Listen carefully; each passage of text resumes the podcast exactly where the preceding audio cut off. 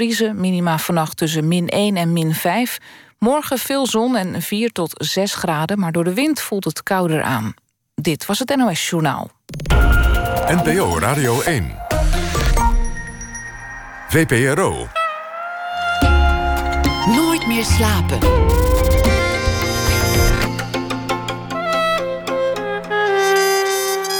Met Hanneke Groenteman. Goedenavond. Role Model is een dansvoorstelling met zang en rap... waarin eigenheid en diversiteit wordt gevierd. En na één uur komt choreograaf Nicole Beutler langs... om over die voorstelling te praten. En dan doet ze ook een greep in onze beroemde kaartenbak met vragen, de rubriek Open Kaart. En wat inspireert filmmakers? Regisseur David Verbeek vertelt over zijn favoriete filmscène. Dat en meer na één uur. Maar dit uur praat ik met Renny Raamakers. Goedenavond, Renny. Goedenavond. Wij tutoyeren elkaar, want we hebben elkaar wel eens vaker ontmoet. Ja. Ik vertel eventjes um, voor de mensen die dat niet weten wie je bent. Je bent kunsthistorica en oprichter van Droog Mede-oprichter. Mede-oprichter. Van droog. Uh, is het droog design of gewoon droog? Het was ooit droog design. Maar toen in de volksmond werd het droog. De volksmond. En toen hebben we het design er maar weer afgelaten na een verloop van tijd. Oké, we gaan straks vragen waarom de volksmond het droog moet noemen. Maar je bent veel geprezen en bekroond om haar inzet voor Dutch design, het Nederlandse ontwerpen. En nu is er een tentoonstelling in Bergen, in Museum Kranenburg. En die heet Do It Like Droog. 25 jaar droog design. Heb je die tentoonstelling eigenlijk zelf mee samengesteld? Die tentoonstelling is samengesteld door twee jonge vormgevers. Uh, die, degene die ook de vormgeving van de tentoonstelling hebben gedaan. En die hebben eigenlijk aan de hand van eigentijdse thema's... hebben ze een selectie gemaakt uit onze voorraad producten. En had je daar zelf helemaal geen uh, zeggenschap in? Natuurlijk wel. Maar het ging gewoon goed. Ja. Dus. En wat, wat zijn voor jou, uh, noem eens een paar voorbeelden van topstukken die daar zijn, waar je misschien allemaal weet. Nou ja, de allerberoemdste topstuk is natuurlijk de ladekast van Theo Remy. Die enorme berg laden met een riem eromheen. Ja, twintig gebruikte eh, laden. En uh, daar heeft hij een riem omheen gebonden. En dat is een kast. Ja. Ander topstuk. Uh, de, de, de, knotted, de, de, knotted chair, ja, ja. Dat is van Marcel Wanders. Ja. En dat is ook een topstuk. En dat is voortgekomen uit een project wat ik in 1995 heb bedacht. En ik was toen heel nieuwsgierig naar um, hoe um, high-tech vezels. En met name vezels die in de vliegtuigindustrie worden gebruikt, in de ruimtevaartindustrie, hoe die eruit zouden zien als je die gewoon gebruikt als materiaal voor meubelen. En uh, ik heb toen een aantal ontwerpers gevraagd om uh, iets te doen met een ambachtelijke benadering van high-tech vezels. Nou, bijvoorbeeld Helen Jongerius is gaan breien.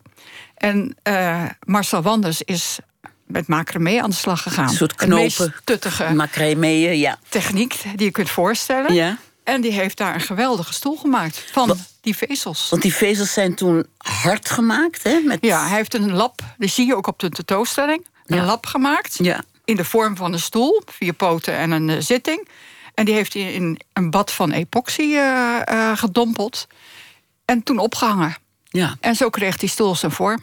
Ja, en dat is nu een wereldberoemde stoel, hè? Ja. ja. Wordt hij nu gewoon in productie gemaakt? Hij wordt ergens door Capellini, een Italiaans bedrijf eh, die heeft een kleine productie van deze stoel. Ja. Verder hangt er natuurlijk ook zo'n beroemd uh, designstuk uit jouw tijd. Uh, die lamp van al die melkflessen. Of ja. die, ja. soort luchter. Een krat Nederlandse melkflessen. Een Nederlandse krat melkflessen. Een Nederlandse krat melkflessen.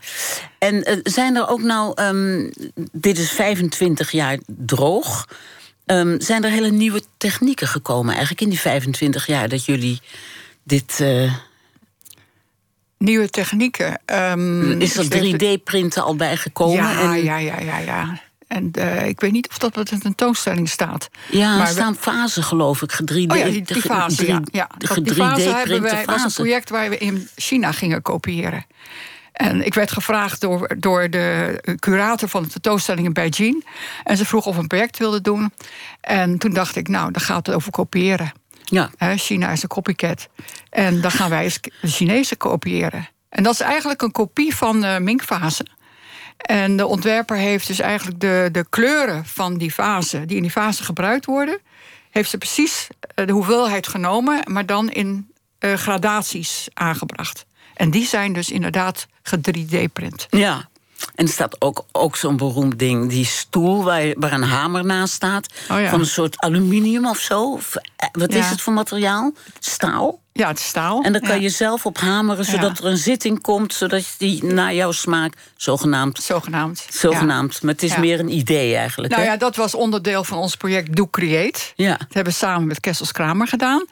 En uh, dat was echt bedoeld om de mensen uit een luie stoel te, voor de televisie, voor de buis te halen. En iets te laten doen. Ja. En ook mede ontwerper te zijn van het, van het uh, product. Ja, en dit is dan. Je, je, ja, en je moet wel heel hard slaan hoor. Dat is al best, ja. Heel hard slaan. We hebben het in Parijs bij de opening van de tentoonstelling... door een bodybuilder laten doen.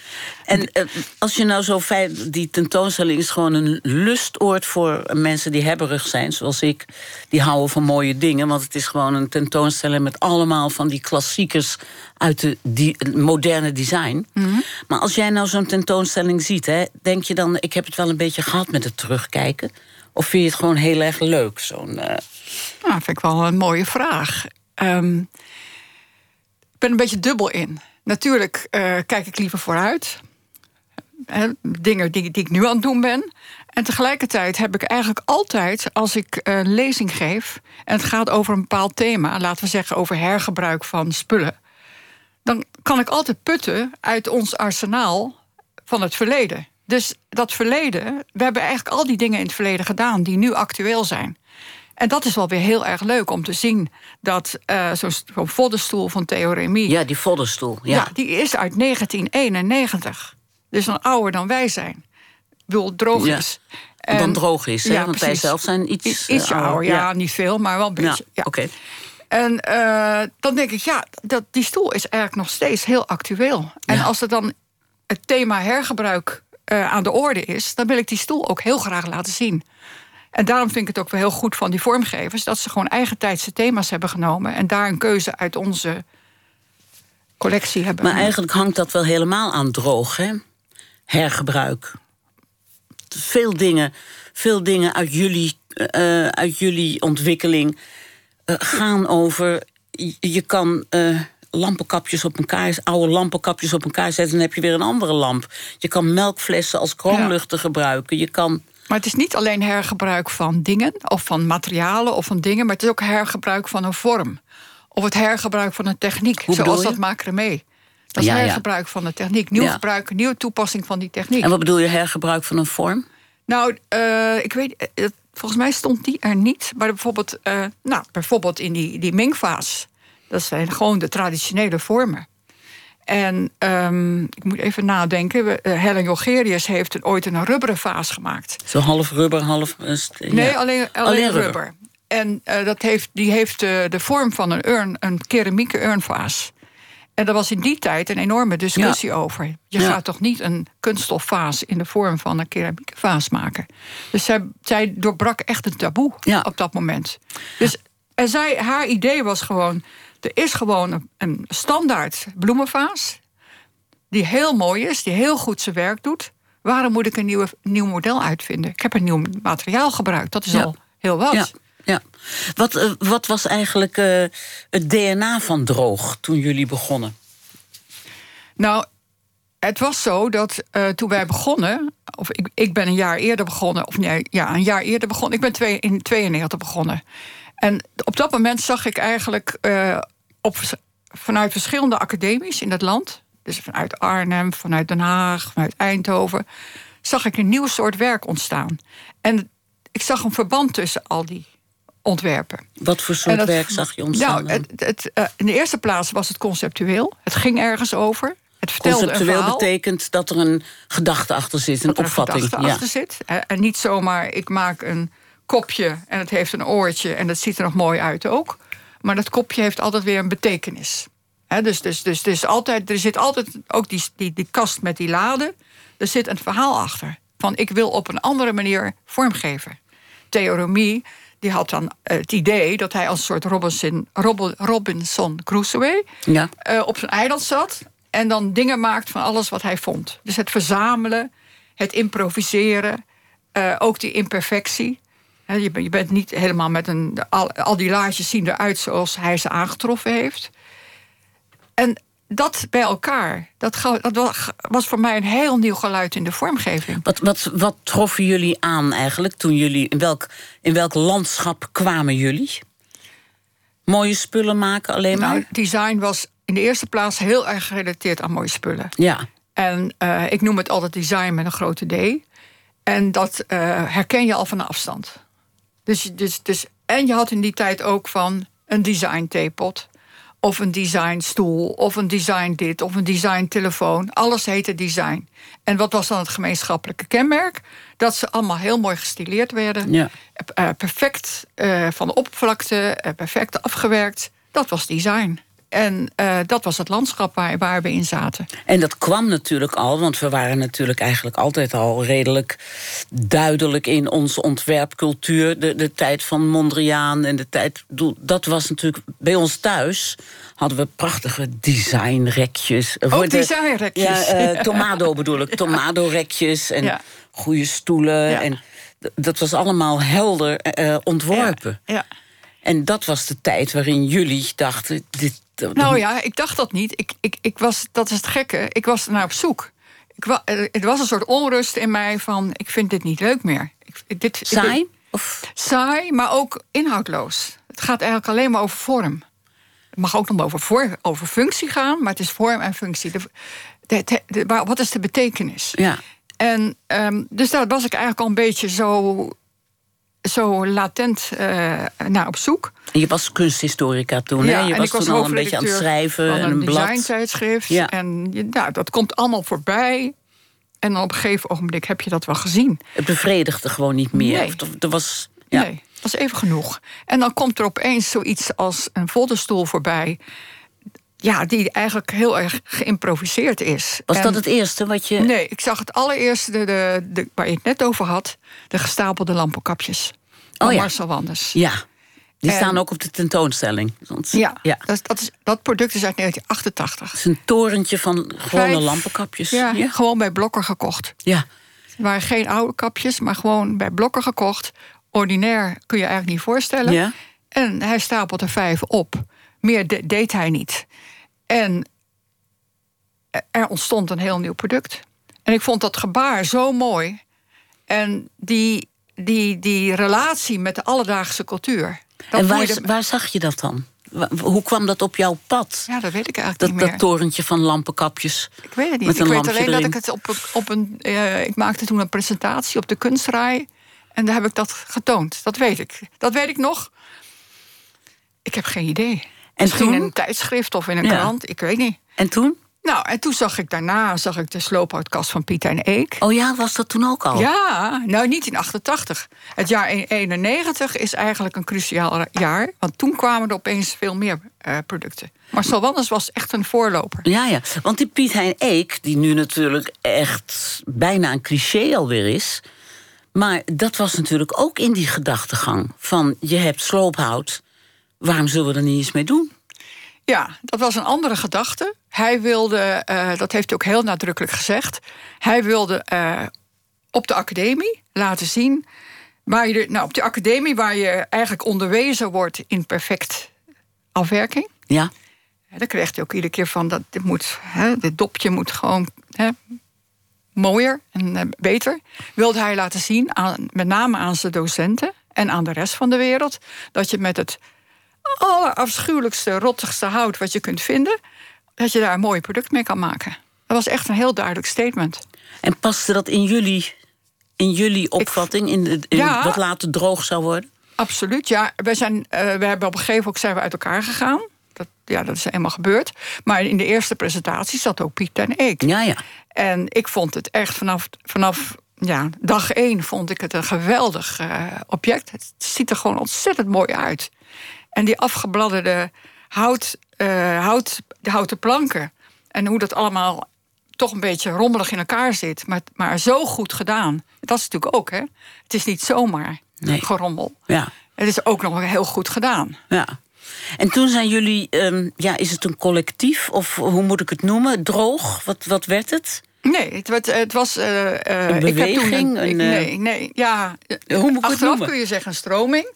Sommige mensen vinden het een stroming, maar ik, ik kijk daar heel anders tegenaan. Natuurlijk, die eerste ontwerper, dat, dat, dat hele clubje ontwerper, dat was wel een soort stroming. En ik heb toen in uh, februari 92, 93 heb ik een presentatie gehouden in Paradiso. En dat heette een middag gewoon doen. En daar heb ik zo een stuk of twintig van die ontwerpen. Want er kwamen, ik, ik zag er steeds meer bij elkaar gezet. Allemaal geestverwanten. Ja. En toen had ik uh, Gijs Bakker ook uitgenodigd. Juweelontwerper, eigenlijk sieradenontwerper. Ja. En binnenhuisarchitectuur ja, dingen. hij ontwierp ook meubelen. Alles. En, ja. en hij had een alles behang. met gaten erin, geloof ik. Ja. Hij had toen zijn gatenperiode, klopt. en hij had toen een behang gemaakt, dat, uh, ook met gaten, uiteraard. Maar wat ik daar interessant aan vond, was dat je dat over je oude behang plakt. En dat je die gaatjes worden dan eigenlijk rondjes van je eigen behang. Ja. Van je oude behang. Dus dat is ook weer het hergebruik of het respect voor wat al, iets wat al bestaat. Ja. En dat boeide mij. En Gijs was natuurlijk geen jonge ontwerper, maar het interesseerde me helemaal geen klap. Ik had echt zoiets van: ja, nee, het gaat mij niet om hoe oud je bent, het gaat om, om wat je doet. Dus ik heb hem gevraagd: wil je ook op, onze op mijn tentoonstelling komen?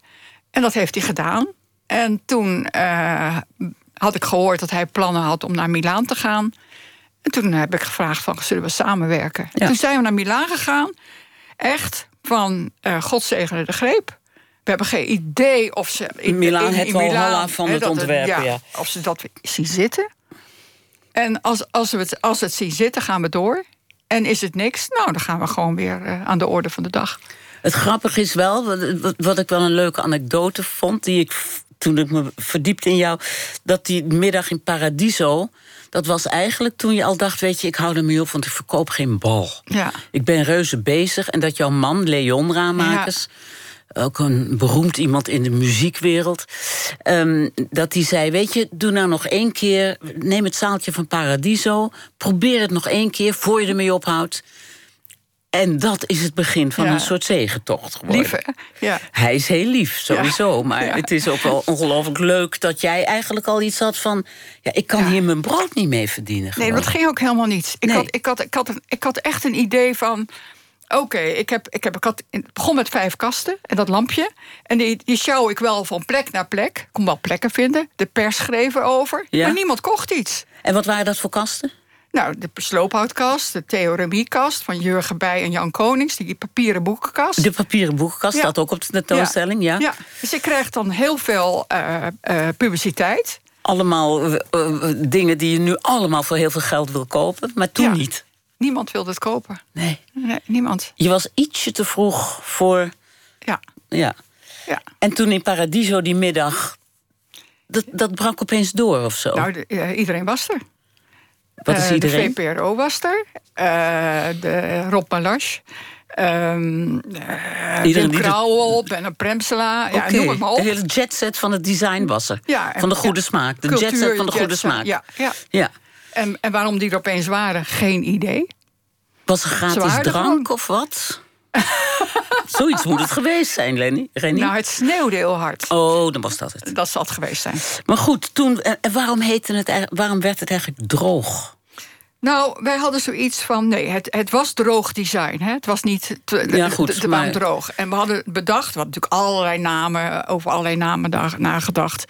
En we dachten, nee, het, het is gewoon droog. Het is in het Engels straightforward. Het is gewoon wat het is. Dit is het concept en dat is het product. En er zitten geen tierlantijnen aan. Of het is gewoon recht voor zijn raap. En toen had, eh, in die tijd had Gijs een Italiaanse vriendin. En wij zaten dat te vertalen in draai, draaidesign. Zei ze, nee, moet je niet doen, moet je niet doen... want dat Nederlandse is zo leuk voor buitenlanders. Oh, echt? Ja, ik heb het ook al eerder gehoord. In Duitsland een keer met een tentoonstelling. Moet in het Nederlands, want het klinkt zo leuk. Nou, en zij heeft ervoor gezorgd dat we het gewoon in Nederlands deden. En toen zijn jullie dus van start gegaan. Toen, toen klonte dat natuurlijk allemaal... Dat groeide gewoon uit, hè, neem ik aan. Ja, het tweede jaar dat we naar Milaan gingen, hadden ze iets van. eh, nou, want het eerste, eerste jaar gingen we samen met Pastoe, hè, dat uh, het meubelbedrijf. Pas toe, ja. hadden we ook Die had ruimte over. Ja. Dat mochten we huren. En het tweede jaar gingen we helemaal alleen. En toen dachten we, oh, redden we dat wel helemaal alleen? Want dan heb je niet meer die, die trekker, hè? En uh, nou, diep storm. Jullie eigen stand, jullie ja. eigen... Nou ja, het was dus in de, in de, in de galerieruimte in de stad, hè? Het liep storm. Met weer de voddenstoel, de kasten, de dingen. En, en, nieuwe, dingen. Wat, wat, kwam erbij? Oh, dat weet ik allemaal niet meer. Nee, nee. nee. We hebben het derde jaar hebben we plastic getoond. Plastic dingen. Hoe dan? Nou, uh, onder andere de vaas van Helle Jongerius. Want er was, er was namelijk een ontzettend discussie aan de gang. Wij waren degene die van de sloophout waren... en van het papier en van natuurlijke materialen. En, en wij hadden zoiets van, maar dat zijn wij helemaal niet. Wij zijn van, wij willen gewoon betekenisvolle ontwerpen brengen. En dat, dat mag ook van plastic zijn. Als het tenminste een... Dat plastic nog eigenlijk als ordinair te boek stond natuurlijk. als cheap. en, ja. ja, en als daar gewoon iemand daar iets heel innovatiefs mee doet. Nou, dat hebben we toen gedaan. En uh, na afloop stond, was zo'n pleintje voor onze ruimte... stonden ze allemaal te discussiëren wat Droog nou aan het doen was. Ja, en een paar jaar later heb ik het ornament uh, naar voren gebracht. En toen dacht ik van... Het ja, iedereen, ornament naar voren gebracht? Nou, iedereen dacht dat wij gewoon tegen uh, ornament waren. Maar dat was niet zo. En toen heb ik laten zien in een tentoonstelling... waar ik dezelfde, deels dezelfde dingen heb getoond. Bijvoorbeeld de 85 lampenlamp de 85 peertjes, die dan in een soort kroonlucht... kroonlucht. dat die eigenlijk heel ornamentaal is. je gebruikt de, de, de, de basiselementen van een lamp. Snoeren, gloeilampen. Nou, toen hadden we nog gloeilampen. En kroonlucht, uh, kroonsteentjes. Maar je maakt er iets heel ornamentaals van. Ja. Dus toen heb ik dus helemaal nadruk gelegd op van... kijk, we zijn helemaal niet tegen ornament. Het hoeft niet allemaal strak. En, nee, nee. Ja. Ja. nee, het is gewoon echt een kroonluchter. Maar dan in volkomen onverwachte samenstelling van spullen. Ja. ja. ja. En um, nou ja, met Gijs Bakker, dat, uh, jullie gingen een beetje uit elkaar groeien in jullie commerciële opvattingen, zal ik maar zeggen, hè? Of niet? We groeiden uit elkaar, ja. ja. ja. Hij is wel op de tentoonstelling nu geweest, hè? Ja. Dus de relatie is wel weer gewoon Ehm, ja, we praten met elkaar. Maar het zijn, we zijn geen vrienden meer. We waren echt wel bevriend. Maar dat, daar, op een gegeven moment is er gewoon te veel gebeurd... en dan gaat dat niet meer. Ja. Wat, wat was nou de kern van de, dat jullie uit elkaar groeiden? Um, wat is de kern? Daar moet ik even over nadenken. Want die kern is... Um, hij heeft tegen mij gezegd dat hij gewoon eigenlijk zijn vrijheid terug wilde. Hij is natuurlijk een kunstenaar. En dat hij uh, ja, zich niet meer helemaal thuis voelde mhm. in hoe droog zich ontwikkelde.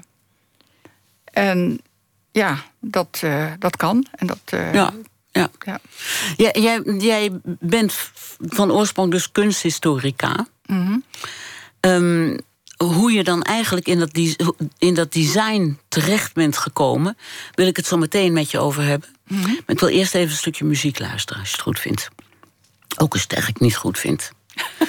Laten we even luisteren naar uh, het duo Isis Ferris en Archie Sylvester. Hun uh, eerste mini-album is genoemd naar de Zuid-Londense wijk Streatham. En um, dat heet Made in Streatham, heet uh, hun album. En dit nummer heet Sometimes.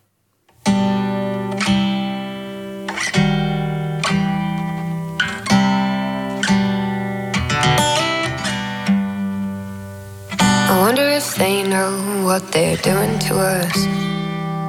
I wonder if they see how this is killing us. Why does it feel like they've given up and we're on our own? We don't love like we did before. And I don't know what we're doing this for. You don't recognize yourself anymore. And you don't like being told. But it's part of growing old. Sometimes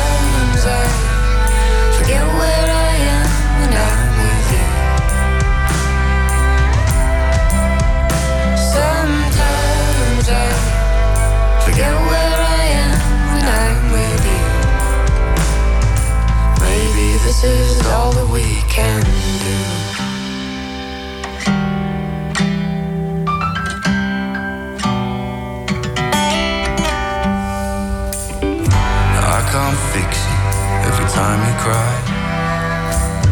Well, I guess your head is much stronger than mine. You don't know when to be quiet sometimes, and you don't like being told. But it's part of growing old. Sometimes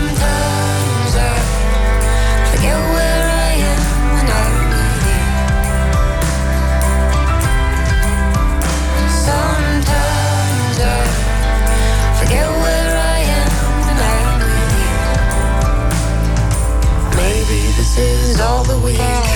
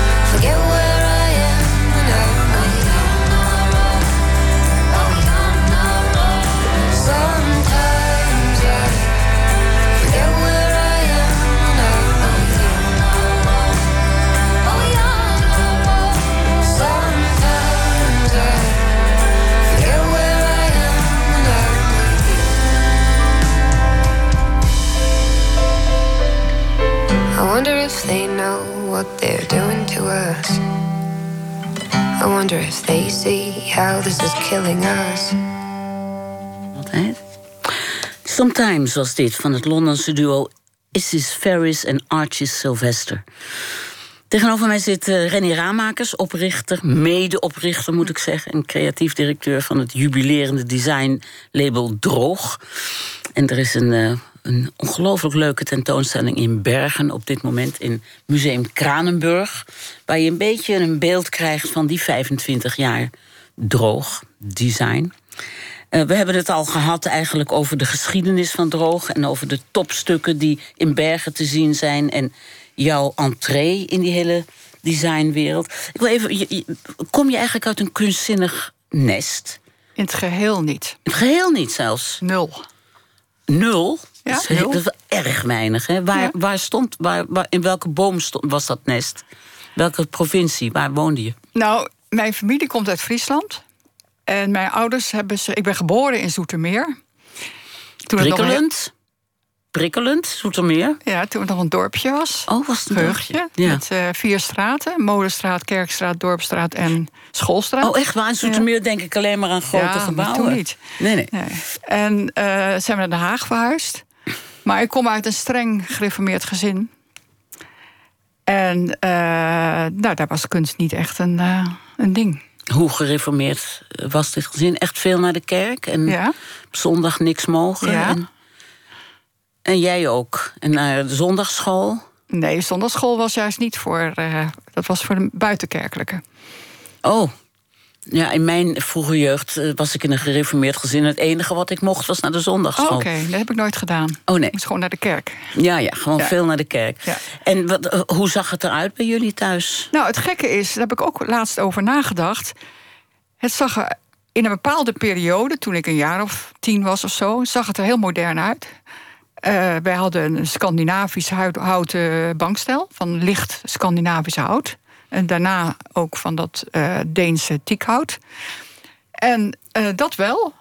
Maar ik denk niet dat mijn ouders ooit naar een tentoonstelling zijn geweest, of naar een concert of naar wat dan ook. Wat, wat deden jouw ouders? Wat- Mijn, eh, mijn vader, die, mijn, mijn, mijn moeder deed, was huisvrouw. Ja? En mijn, mijn vader die komt uit een boerenfamilie.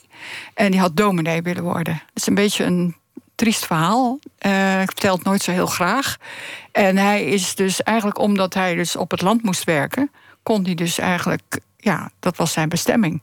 En eh, uiteindelijk is hij toch nog naar het gymnasium gegaan. Maar toen was hij al oud. En daar voelde zich toen ook niet thuis. Dus hij is eigenlijk gewoon uh, uiteindelijk geëindigd als een soort melkboer. Terwijl hij eigenlijk alle intelligentie had om dominee te worden. En ons hele huis stond vol boeken over de kerk. En de uitleg van de Bijbel. En ik zie ze nog staan, parafrases van de Heilige Schrift. En uh, ja, hoe ze allemaal mogen heten. En daar was mijn vader altijd helemaal mee bezig. En ik, ik, heb het altijd een beetje triest gevonden. Dat je dus een roeping hebt. En je kunt het. Maar door je omstandigheden kom je daar eigenlijk... Ben je er gewoon nooit aan uh, toegekomen. Dus je bent echt het kind van de melkboer. zeg, maar hoe heb jij dan... Um, hoe, hoe heb jij hoe ben jij losgezongen van dit gezin? Nou, ik heb milieu? Een, eh, een, eh, een, een, ja, eh, op verschillende manieren. A, heb ik een zus van 11 jaar ouder, die nogal artistiek aangelegd was. Hoe dat kwam, hadden mijn ouders geen weet van. Ze hadden ze iets van: hoe kan dat nou weer? Want dat, dat zit helemaal niet in onze familie, bla bla bla. En die had een hele mooie tekening op haar slaapkamer hangen van Kandinsky, van een, van een schilderij van Kandinsky, had ze nagetekend. En dat vond ik als kind zo mooi. Oh ja? ik was toen 13 of 14. Hm. En toen ben ik naar het Haagse Gemeentemuseum gegaan om die tentoonstelling te bekijken.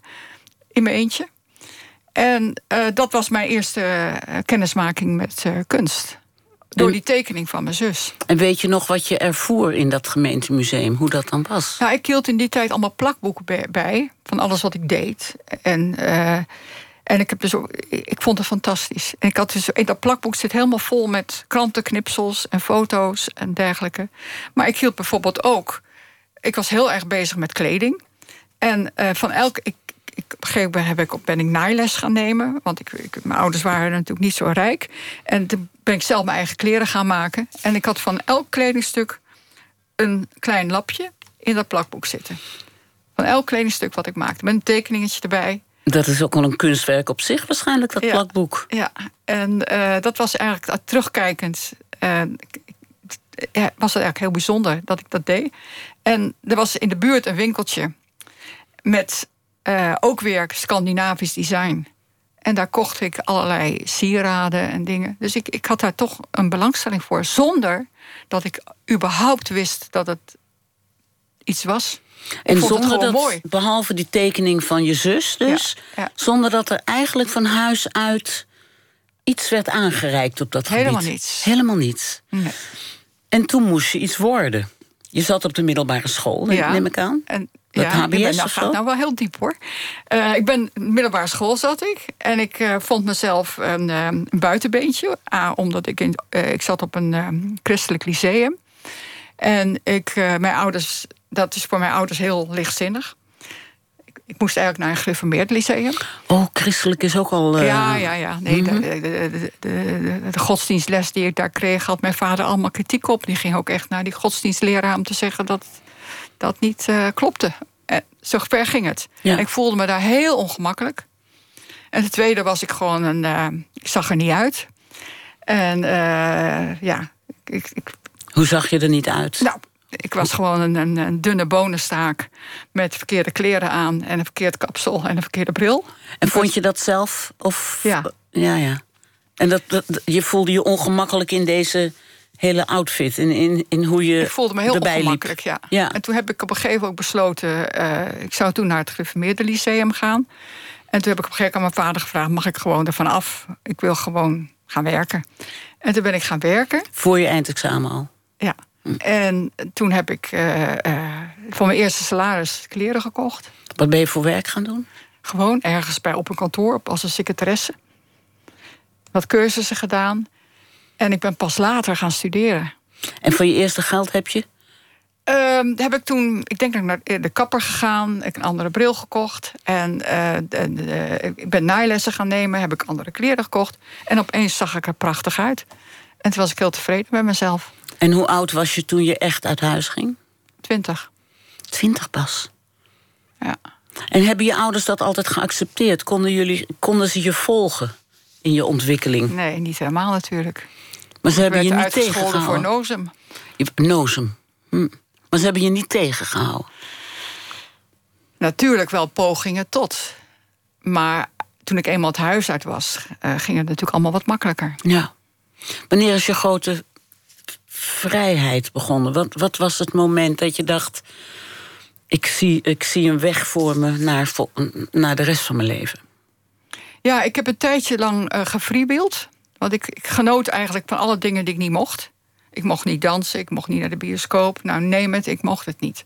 Dus ik, ik heb daar gewoon heerlijk van genoten. Waren er al verliefdheden eigenlijk? Ja, ja, ja, ja.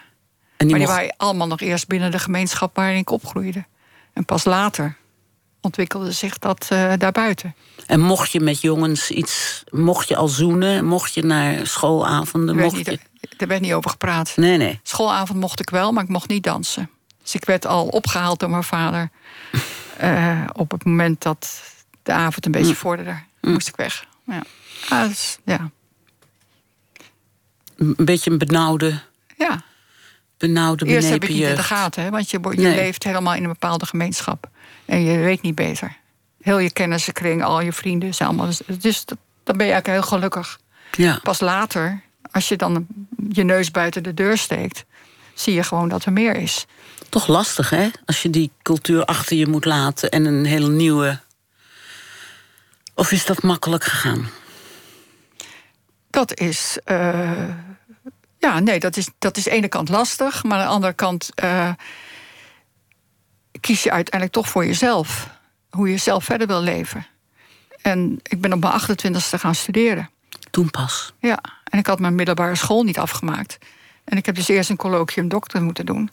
Nou, dat is allemaal goed gegaan. Ja. En toen ben ik eens gaan studeren. Ja. En toen is mijn leven eigenlijk een hele andere kant uitgegaan. Want toen had ik een bestemming. En toen ben je uiteindelijk vanuit, nou ja, dat heb je al eerder verteld, hè, dat je gewoon in de, in de wereld van de, de artistieke wereld terecht bent gekomen als journalist. Ja, als, uh, en dat wilde ik eigenlijk in die tijd dat ik uh, zeg maar een beetje aan het freewheelen was, ben ik altijd wel heel geïnteresseerd geweest in beeldende kunst en dergelijke. Ja, kennelijk met die lapjes vroeger was je ook al in vormgeving geïnteresseerd. Ja, blijkbaar. Ja. Ja. Je bent. Um, wonderlijk genoeg, als je zo die jeugd vertelt... je bent toch door, ik geloof Newsweek... tot de 150 ja. invloedrijkste vrouwen ter wereld, geloof ik, uh, benoemd. Ja. Wat, wat, als je nou even dat verhaal afzet tegen dat gegeven... Wat... Dat is ongelooflijk. Dat is toch ongelooflijk? Dat is, dat is... Wat doet dat je? Wat, wat is dat, de invloedrijkste vrouw? Ja, dat, kijk, dat is natuurlijk ook alleen maar een. Uh, dat betekent uiteindelijk niet zoveel.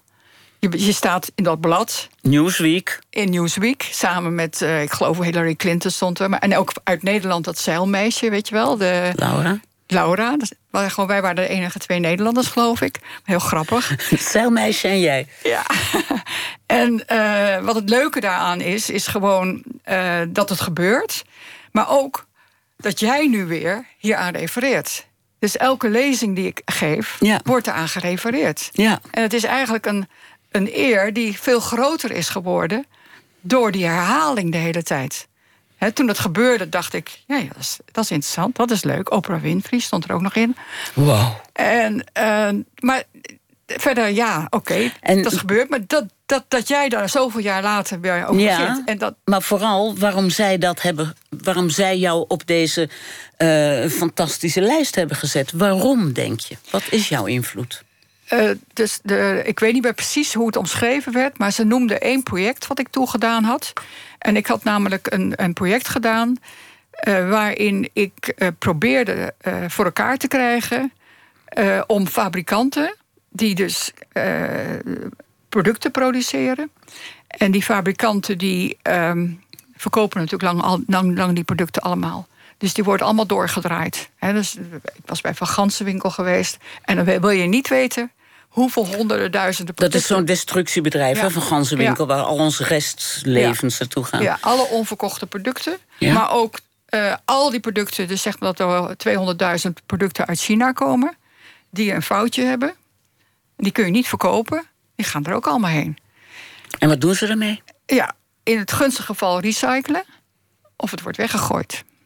En eh, dat vond ik eigenlijk toch wel uh, ja, heel erg. En toen heb ik een project gedaan, een, een soort pilotproject met een aantal fabrikanten, Nederlandse fabrikanten, om uh, die deadstock, zoals dat heet, te herontwerpen en weer terug in het productieproces of in het in omloop. Ja, in omloop te brengen. Maar uh, geef eens een voorbeeld. Um, geef eens een voorbeeld. Er waren bijvoorbeeld een van de, dat is niet de fabrikant, maar uh, een, een, bedrijf dat Macro, de Macro. En die heeft dan van die hele ordinaire dienblaadjes, uh, die, die in elke kantine zit, ziet. Van die, van die rare kunststof dienblaadjes.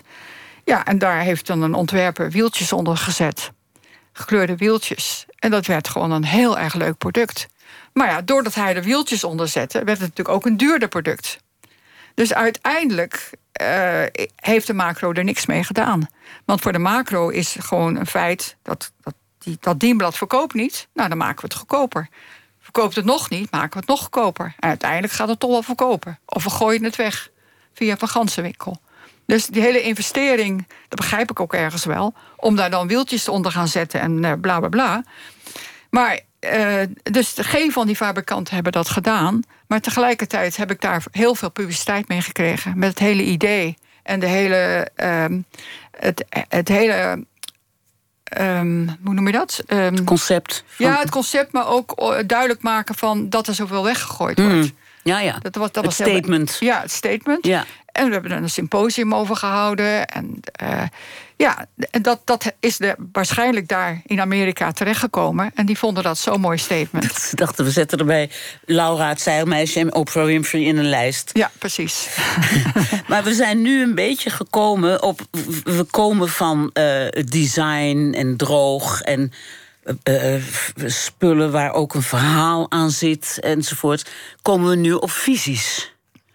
Want je, ma je bent al lang niet meer bezig met steeds nieuwere spullen en steeds leukere dingen maken. Hè? Ben ik nooit mee bezig geweest. Nee, maar het faciliteren daarvan of het. Nou ja, kijk, al die producten op de tentoonstelling, die hebben allemaal een verhaal. Ja. En voor heel veel mensen zijn het die leuke producten, en dat zijn ze ook. Maar ze zijn allemaal geboren uit een verhaal wat mij fascineert. En waar ik in geboeid ben. En die verhalen zijn nog steeds actueel. En ik doe nog steeds.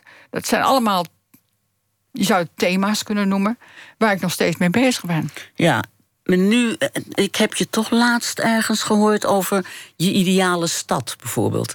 Ik heb een heel prikkelend iets van jou gezien. Waarbij je zei, mijn ideale stad. Daar heb ik oh, ja. zo ontzettend uh, geïnspireerd raakte ik daardoor. Dat je nu toch bezig bent met visies op de samenleving. Ja, maar wat ik ook wat ik gedaan heb uh, uh, binnen de beginjaren van Droog... gaat eigenlijk ook allemaal over visies op de samenleving. Het kan ook via een visie op design. Hè. Als ik heb over een visie op design... is het tegelijkertijd een visie op de samenleving. En uh, het hergebruik of de improvisatie, noem maar op. Dat, het heeft allemaal met de samenleving te maken. En dat is ook de reden waarom ik vanuit de kunstgeschiedenis met design bezig ben gegaan. Omdat ik niet dat de kunst niet, uh, geen visie op de samenleving heeft. Integendeel. Maar in die tijd toen ik studeerde, ehm, merkte ik dat dan niet erg. En daar ben ik gewoon, ja, dat ben ik tegengekomen. En ja, gewoon die maatschapp, maatschappelijke kant. Ja, Nee, dat begrijp ik. Ik begrijp dat het hergebruik van dingen en de voddenstoel. En dat is, ik zie de visie daarvan. En het is toch wat anders dan wat je nu doet. Ja, het lijkt wat anders. Uh, ik, zie het, ik zie het heel duidelijk als in het verlengde ervan. In het verlengde, ja. ja. ja. Ik heb nu een, een heel programma ben ik aan het ontwikkelen over... Uh, dat heet Design en Desires. En eigenlijk is het uitgangspunt hoe kan je een stad ontwerpen op basis van de dromen en wensen van mensen? En dat is het uitgangspunt. En uh, wij uh, ondervragen mensen. We vragen naar hun dromen en wensen. Maar we doen dat op een hele speciale manier. Hoe dan? Ik ga jou niet vragen. Als ik jou vraag van wat wil je nou... Eh, dan, dan, dan nou ja, jou, jij misschien niet. Maar als ik aan iemand vraag van wat zou je veranderen, willen veranderen in je buurt.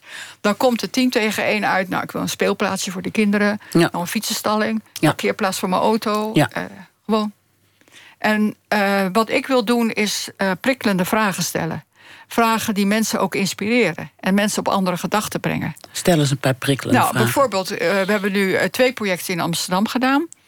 En eentje is in de Dapperbuurt. En daar, uh, de, de, gemeente Amsterdam, die had een probleem met deze buurt... omdat er een hele hoge hoeveelheid jeugdwerkloosheid is. En ze vroegen, ze, wisten wat, wij aan, wat, wij, wat ik aan het doen ben. En ze vroegen van om een onderzoekje te doen in die buurt. Nou, dan kan je gaan zeggen van... Uh, oké, ik ga dus een, een, enquête houden... en dan vraag ik van, heb je zin, wil je werk hebben? Wat voor werk wil je hebben? Bla, bla, bla. Dat heb ik dus niet gedaan. We, we hebben eerst de, de buurt gescand, social media. Wat zeggen de jonge mensen op social media? Wie zijn dat? Hoe presenteren ze zichzelf? Hoe onderzoek je dat? Ja, dat, ik werk met, uh, met Mark van der Net samen... en dat is iemand die, dat, die daar software voor ontwikkeld heeft. En die, dat is echt een techneut. Een technische nerd. En die, die kan gewoon... Ja. Wat, wat al die mensen in die dapperbuurt op Facebook zetten... kan hij... Ja, zien. Jeetje. Ja, oké. kijk uit. Goed, dus hij brengt in kaart wat er zo al leeft. Ja, hè? Uh, En dan, dan, dan, zien wij, uh, dan zien wij bijvoorbeeld dat er heel veel ondernemersgeest is. En dat prikkelt mij weer om te bedenken van... Uh, oké, wat gaan we, wat, hoe gaan we het insteken? Wil je van je passie een droombaan maken? Dat is de vraag. Dus we hebben een Facebook-campagne gehouden. Die is door 12.000 mensen uh, gezien. Wat voor mensen zijn dat dan? Jonge zijn mensen. jonge mensen? Tussen, allemaal de, jonge mensen? tussen de 16 en 30 jaar was het. En we hebben dus, dat kan je allemaal, dat kan je allemaal uh, uitzoeken. En toen hebben we een enquête gemaakt in jongerentaal. Dus echt, echt ik, er werkt iemand bij mij die kan die jongerentaal echt uh, die spreken. spreekt jongerentaal? Ja, Jeetje. kan die. Ja? ja. En uh, is door 366 mensen ingevuld. En wat kwam eruit? Uh, graag voor mijn passie een droombaan maken. En het tweede was... de meerderheid wilde niet voor een baas werken. Maar zelfstandig zijn. En het derde was, want we hadden ook vragen van... oké, als, je als je zelfstandig bent, wat, wat belemmert je? Hè? Wat, wat, houdt je tegen? Nou, dat waren natuurlijk hoe moet ik klanten krijgen? Uh, ik heb geen geld. Uh, ik heb geen verstand van boekhouding. Ik noem maar wat. Hè? Ja. Dus allemaal van dat soort problemen. Nou, en dat is, dan, dat is dan de uitkomst. En nu zijn we aan het denken hoe we dus een soort opleiding kunnen maken voor mensen, jonge mensen die eh, een onderneming willen beginnen. En wat waren hun passies zoal? Heel veel creativiteit en heel veel zorg. Maar heel veel die iets in de zorg willen doen. En in de Dapperbuurt, daar wonen natuurlijk... dat is een hele multiculturele uh, samenleving. Dat, deden ook andere cultuurkinderen mee, mee? Maar in de minderheid. in die andere wijk, in Nieuw-West... Uh, dat is in, in, uh, toen had ik het idee, ik wil de, de, de lelijkste straat van Amsterdam... Uh, sociale woningbouw, maar eigenlijk achterhaalde sociale woningbouw. Echt, echt, 60 jaren. Ja, ja. 50 jaren. Ja. En uh, nou, met, met wat hulp heb ik die gevonden. En daar bleken dus alleen maar immigranten of uh, buitenland, of wat, buitenlandse afkomst te wonen. En die waren heel moeilijk te bereiken. En het waren mensen die niet op internet zaten voor een deel. En toen hebben we een Turkse bakker gevonden in die straat. En dan mochten we dus een week lang zitten met een uh, t-shirt drukmachine. En een stapel gele t-shirts die blanco waren. En we hebben dus eerst de kinderen gevraagd van... hoe zou jouw straat eruit zien als jij het voor het zeggen had? En via die kinderen hebben de ouders bereikt.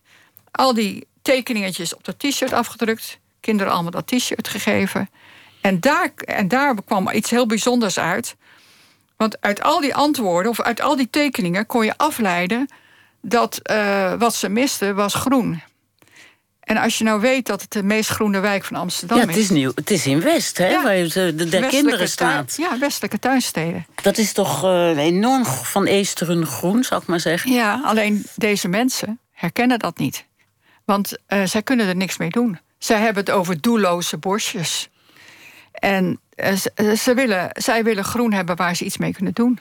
Wat, wat nou, bijvoorbeeld uh, daar lekker gaan zitten op een bankje en genieten. Of met elkaar picknicken. Uh, ze hadden ook graag fruitbomen willen hebben. En uh, er, is daar een, er was ooit een voetbalveldje. En daar zijn van die wipkippen opgezet. Hoe heet dat nou? Die wipkippen. Oh, die, dat is zo deprimerend. En die gebruikt niemand. Nee, geen kind wil op een wipkip hoor. Nee. En de jongetjes zijn dat voetbalveldje kwijt. Ja. Nou, en we hebben daar hele eenvoudige ingrepen gedaan in onze voorstellen. voorstellen. En we zijn teruggegaan naar de buurt en de mensen vonden het prachtig. Maar zijn die voorstellen ook geëffectueerd? Nee. De oh. gemeente had andere plannen. Dus je ontwikkelt visies, je een heleboel activiteiten zitten eraan vast. En het blijft eigenlijk bij een ideaal, bij een visie. Uh, ja, en ik, ik, ik ga er wel mee door. Want ik heb nu, uh, ik heb nu een heel, heel duidelijk beeld van dat er een verschil is in beleving van groen uh, door de architecten en door de gemeente en de bewoners zelf. Dus een heel grote kloof is er. Ja. En ik wil eigenlijk toch verder gaan met die herinterpretatie van het begrip groen. En uh, we hebben een, um, dat is een ander deel van dat programma, dat wij een, een platform hebben, een digitaal platform, wat over, door de hele wereld, waar de hele wereld lid van kan worden. Dat zijn onze citizens. En die stellen wij allemaal vragen. Hoe heet dat platform? Dat heet Social City. Social City. Ja. En dan kan je gewoon naartoe op internet. Kan je gewoon ja, ja, ja, ja, ja. En dan, um, dan, dan, maken we kleine enquêtes. En dan vragen wij mensen over de hele wereld uh, wat zij van, wat, hoe zij naar groen kijken.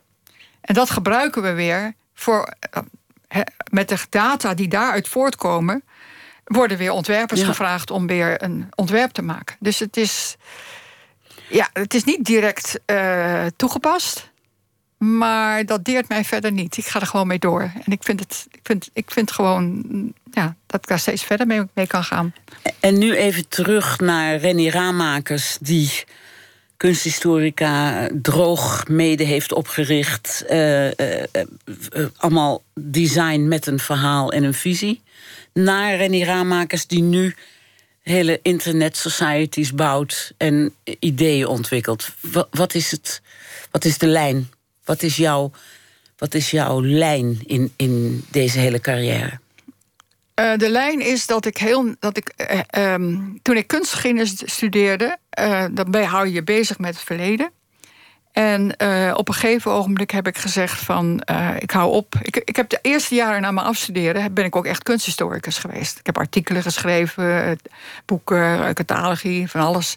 En op een gegeven moment zei ik tegen mezelf van ik wil nu vooruitkijken. Want ik wil zelf deel van de geschiedenis zijn. En ik wil gewoon nieuwe dingen ontdekken. En dat is ieder, ieder en eh, in, in alle gevallen is dat één, één rechte lijn geweest. Dat ik elke keer um, inspiratie opdoe door wat ik om me heen zie, door wat ik lees, door wat ik hoor. En daar ideeën bij krijg en die, die, die, die voer ik uit. Dus of dat nou de stad is, hè, dat, ik, dat, ik, dat, ik, dat ik het idee heb van ik, neem een, ik, ik wil een, een, lelijke straat hebben. En die, dan ga ik kijken hoe daar een droomstraat van gemaakt wordt. Of dat ik in China ga kopiëren. Omdat ik naar China ga en ik vind dat, dat dat kopiëren helemaal niks slechts is. Als je het maar op een creatieve manier doet. Dus uh, ik wilde. En, en die Chinezen waren op dat moment nog heel erg met. We moeten origineel zijn, we zijn geen copycat. En ik dacht van jongens, jullie zijn er hartstikke goed in. Maar doe het dan goed. Dus ik ben elke keer bezig met um, anders naar uh, de dagelijkse realiteit te kijken. Ik denk dat dat het wel is. Dus van een ander, een ander perspectief op de dingen. En die nieuwsgierigheid, want het is echt nieuwsgierigheid wat je hebt, dus, hè, wat jou drijft. Ja. Toch? Het is nieuwsgierigheid naar what if. Ja, op zijn Engels. Wat als? Wat als uh, wat als uh, de, de, de fossiele grondstoffen uh, verdwenen zijn? Wat moeten ontwerpers nog doen? Wat gaan ze doen? Dan kunnen ze niet meer zulke producten ontwerpen. Nee, wat gaan ze dan doen? Ja, dat gaan ze dan doen. Dat heb ik een heel project over gedaan. Want wat gaan ze dan eigenlijk doen? Gaan ze producten van menselijk haar maken? Of gaan ze nieuwe biomaterialen uitvinden? Uh, dat gebeurt al, het gebeurt allemaal al. Maar ik heb dat project ook een jaar of acht geleden gedaan. En dat is nu gewoon, zie je dat dat, dat, dat, dat soort materialen, hè, dus van hm. paddenstoelen en van uh, zeewier, dat wordt nu allemaal, daar zijn ze allemaal mee bezig. En dat, dat had ik toen bedacht. Niet dat ik dat uitgevonden heb, maar ik, ik heb er toen een project van gemaakt. Omdat ik dus op een, ik las op een bepaald moment een artikel in de Volkskrant, denk ik. Waarin een aantal filosofen en economen aan het praten waren over die uitputting van de aarde en, en wat, wat er dan moest gebeuren. En toen dacht ik, hé, hey, wat zouden ontwerpers eigenlijk doen? En toen heb ik een, uh, de, de Future Furniture Fair georganiseerd. Van hoe zou een, een, een meubelbeurs eruit zien over zoveel jaar? Nou, dat soort dingen. En dat, dat, ja, dat gaat gewoon door. En die nieuwsgierigheid van jou, die, je bent nu 71 of zo. die raakt helemaal nooit verdoofd of uitgeput? Of dat Nog je denkt, niet? ik weet het nu allemaal Nee. wel. Ik ga... Ja, ik weet eh, bij een heleboel dingen, bij een heleboel zaken denk ik dat weet ik allemaal wel. Tuurlijk denk je dat. Maar er zijn nog zoveel zaken die te ontdekken zijn. En er is nog zoveel te leren. Ik vind gewoon dat je je hele leven lang moet leren. Ja, en, en, dat, en, nie- en nieuwe dingen ontdekken. dat- en nieuwe. ja, Ja. dat voor een meisje wat een middelbare school niet afmaakt... en totaal benauwd opgroeide... is nu op de 71ste nog steeds... ehm, met snuivend neusje aan het... Aan het ja. En wat prikkelt jou? Wat, wat inspireert jou? Iedere keer weer? Niet iets specifieks. Wat me inspireert is gewoon dat de wereld niet stilstaat. En eh, dat vind ik fascinerend. Dat er elke keer weer nieuwe ontwikkelingen zijn, zijn te ontdekken. En dat er elke keer weer dingen gebeuren. En ik heb het dan niet over rampspoeden en zo, rampspoed. Maar ik heb het echt over eh, dat, dat, dat bijvoorbeeld met die stad. Dat, de, dat, dat onze stad zo divers wordt. Hè, dat je dus zo ongelooflijk grote diversiteit hebt. En dat, dat, daar wordt dan, dat lees je dan over. En eh, moeilijk, moeilijk. En ik zie dat als een, een bron van innovatie. Denk van, goh, als je nou een stad kunt maken... waar die diversiteit van al die mensen tot uitdrukking komt. En dan niet een compromis sluiten, maar gewoon mogelijkheid... dat iedereen zijn eigen... Ja, dat, dat, dat, vind ik, vind ik, dat inspireert mij enorm. En heb je niet het gevoel dat je een roepende vanaf de zijlijn bent? En dat de politiek toch helemaal niet doet wat jij wil? Of dat Niemand is- doet wat ik wil. Nee? En dat is gewoon mijn lot. En dat, eh, of mijn lot, dus het is helemaal niet tragisch, maar dat is gewoon, dat hoort erbij. Ik ben al lang weer met iets anders bezig. Dus ik ben ook niet echt dat ik. Ik, ik, zou, ik vind het natuurlijk wel heel, heel fijn vinden dat dat ook allemaal gebeurt. Maar ik, ik ben ook niet gek. Ik weet ook wel dat dat allemaal ingewikkelder ligt. En ik, ik, ik doe gewoon mijn, mijn dingen omdat ik ze interessant vind en boeiend vind. En blijkbaar vinden anderen dat ook. Eh, en ik, ik blijf dat gewoon doen, omdat ik niet anders kan. Het is Dat gewoon is- wat ik niet. Ik kan niet anders. Ik moet het gewoon doen. Want dan, dat, dat, als ik, dat- mijn handen beginnen iedere keer weer te jeuken. Van, van iets wat ik tegenkom. Laat ze alsjeblieft blijven jeuken, Renny. Daarin ben je eigenlijk een kunstenaar. Eigenlijk, terwijl je vooral kunstenaars ook faciliteert. Ik bedank je ontzettend voor dit eh, gesprek. Graag gedaan. En in Bergen is die hele leuke tentoonstelling. En we zullen nog wel veel van je horen. Dank je wel. Graag Renny gedaan. Raamakers.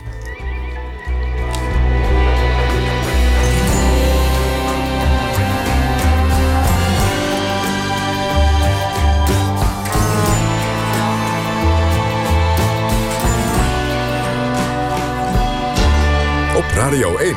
Het nieuws van alle kanten.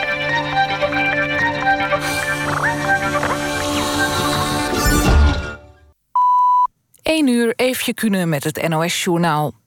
Het besluit over de uitbreiding van Lelystad Airport... wordt met zeker een jaar uitgesteld. Dat melden RTL Nieuws en De Telegraaf. Minister van Nieuwenhuizen zou het nieuws morgen officieel bekendmaken. Het plan was om Lelystad Airport per april 2019 uit te breiden... maar er is veel verzet.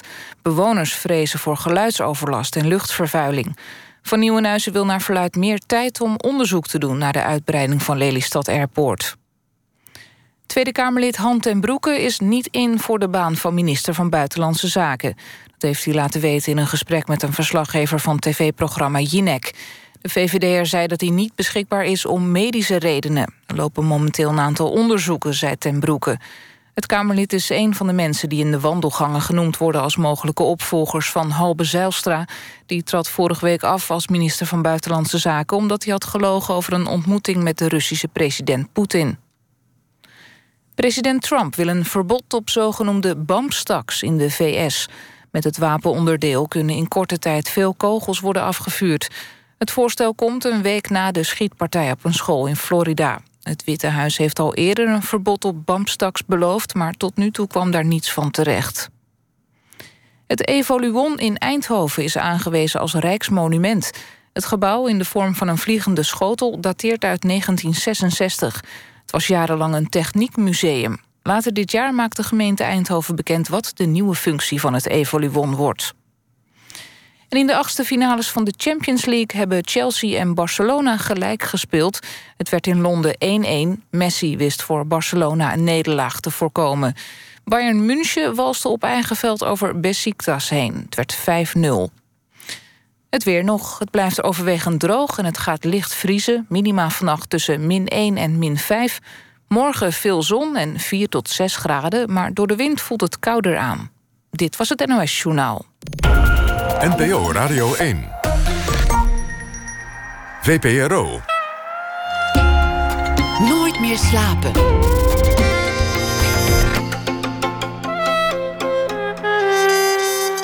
Met Hanneke Groenteman. Welkom terug. Nog één uur Nooit meer slapen.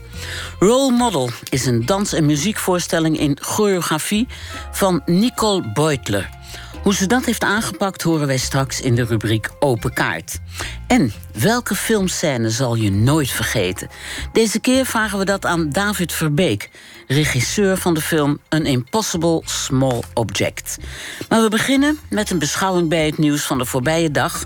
Deze week opgetekend door de schrijfster Alma Matthijssen. Afgelopen najaar verscheen haar derde roman, Vergeet de meisjes, waarin twee vrouwen besluiten zich aan de wereld te onttrekken. En ooit was ze de helft van het duo Fanny en Alma in het Parool. En onlangs mengde ze zich nog actief in de MeToo-discussie. Goeienacht, Alma. Hallo, dag Hanneke. Hoe was, je, hoe was je dag?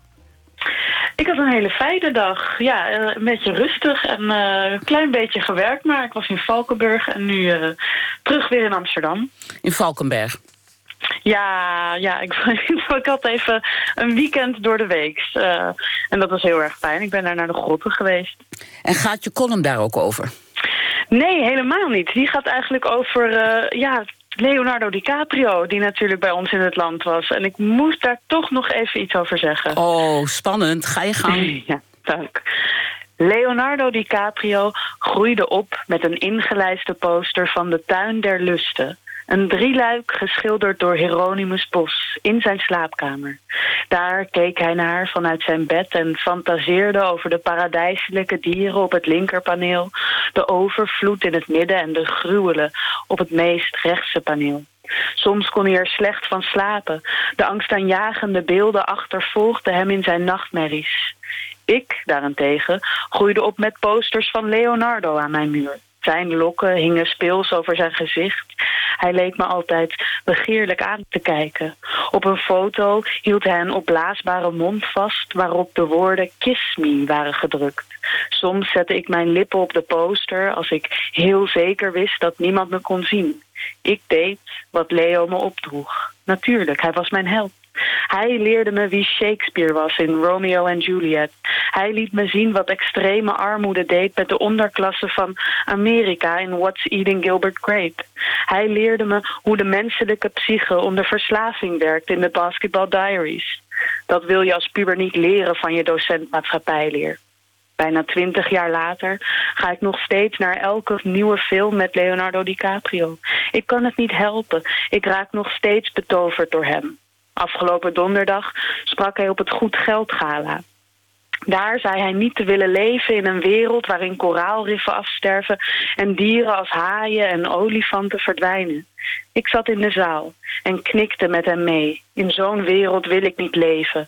Het is flauw en wellicht infantiel dat Leo me daar opnieuw aan moet herinneren. Dat ik blijkbaar nog steeds beter luister naar een jeugdliefde dan naar een batterij aan wetenschappers. Maar het is niet anders. In een volgend leven hang ik een poster van de tuin der lusten boven mijn tienerbed. Wat mooi. Wat, wat, kan een, wat kan een liefde toch diep zitten, hè? Ja. En dat gaat ook helemaal nooit over. Nee, ik ben nu 33 en nog steeds, het zit zo ontzettend diep. En ik zat daar in die zaal en ja, hij zat dan helemaal vooraan. En ja, ik kon eigenlijk alleen maar naar hem kijken... terwijl er prachtig. Het was ontzettend mooi ook wel wat er gebeurde hoor. Tijdens dat goed geld halen had ik mezelf eigenlijk helemaal niet zo gerealiseerd. Uh, maar er werd ontzettend veel, ja, toch echt ontzettend veel goed gedaan. Er werd zoveel geld gegeven aan die goede doelen. Maar nog steeds bleef ik ja, bij, die, bij die Leonardo hangen. En, en, en, en had, Alma, had hij het nog? ja, nou, voor mij gaat dat toch gewoon nooit meer over. Het maakt niet uit. Hij is natuurlijk, ja, hij ziet er niet meer uit zoals hij er in Romeo en Juliet uitzag. Uh, wat voor mij toch wel toppunt was. maar ja, zo'n, het is wat je zegt, zo'n liefde zit dan zo diep. En ik denk ook echt dat hij mij van alles geleerd heeft vanaf 12 jaar oud. En dat, ja, dat, ik, ik wilde niet naar iemand anders luisteren op dat moment. En ik denk dat ik het geluk heb gehad dat hij toevallig hele goede films maakte. Ja, mijn, mijn, een van mijn favoriete films ever ooit... is die je al noemde, What's Eating Gilbert Grape. Ja.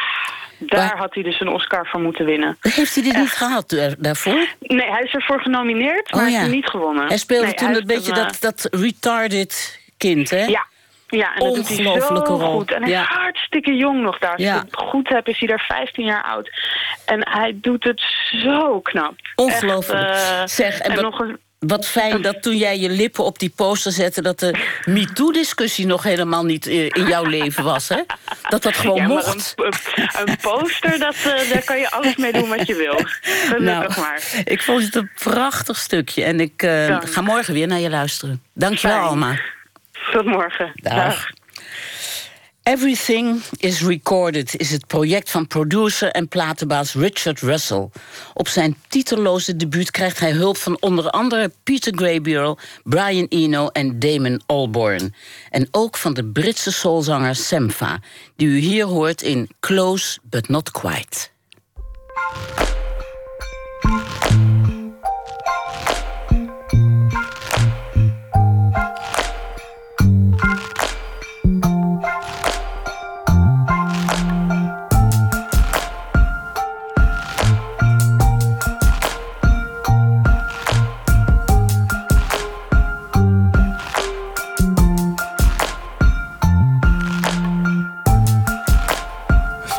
You fall into a house without a word. And only the size of your breath are heard. I'm not one to go to church. But you made me believe in something more than hurt. I feel like I don't have the words. I feel like I don't have the words because I can't speak. Am I so naive? I feel like I don't have the words because I can't speak. Of these words I've tried to recite,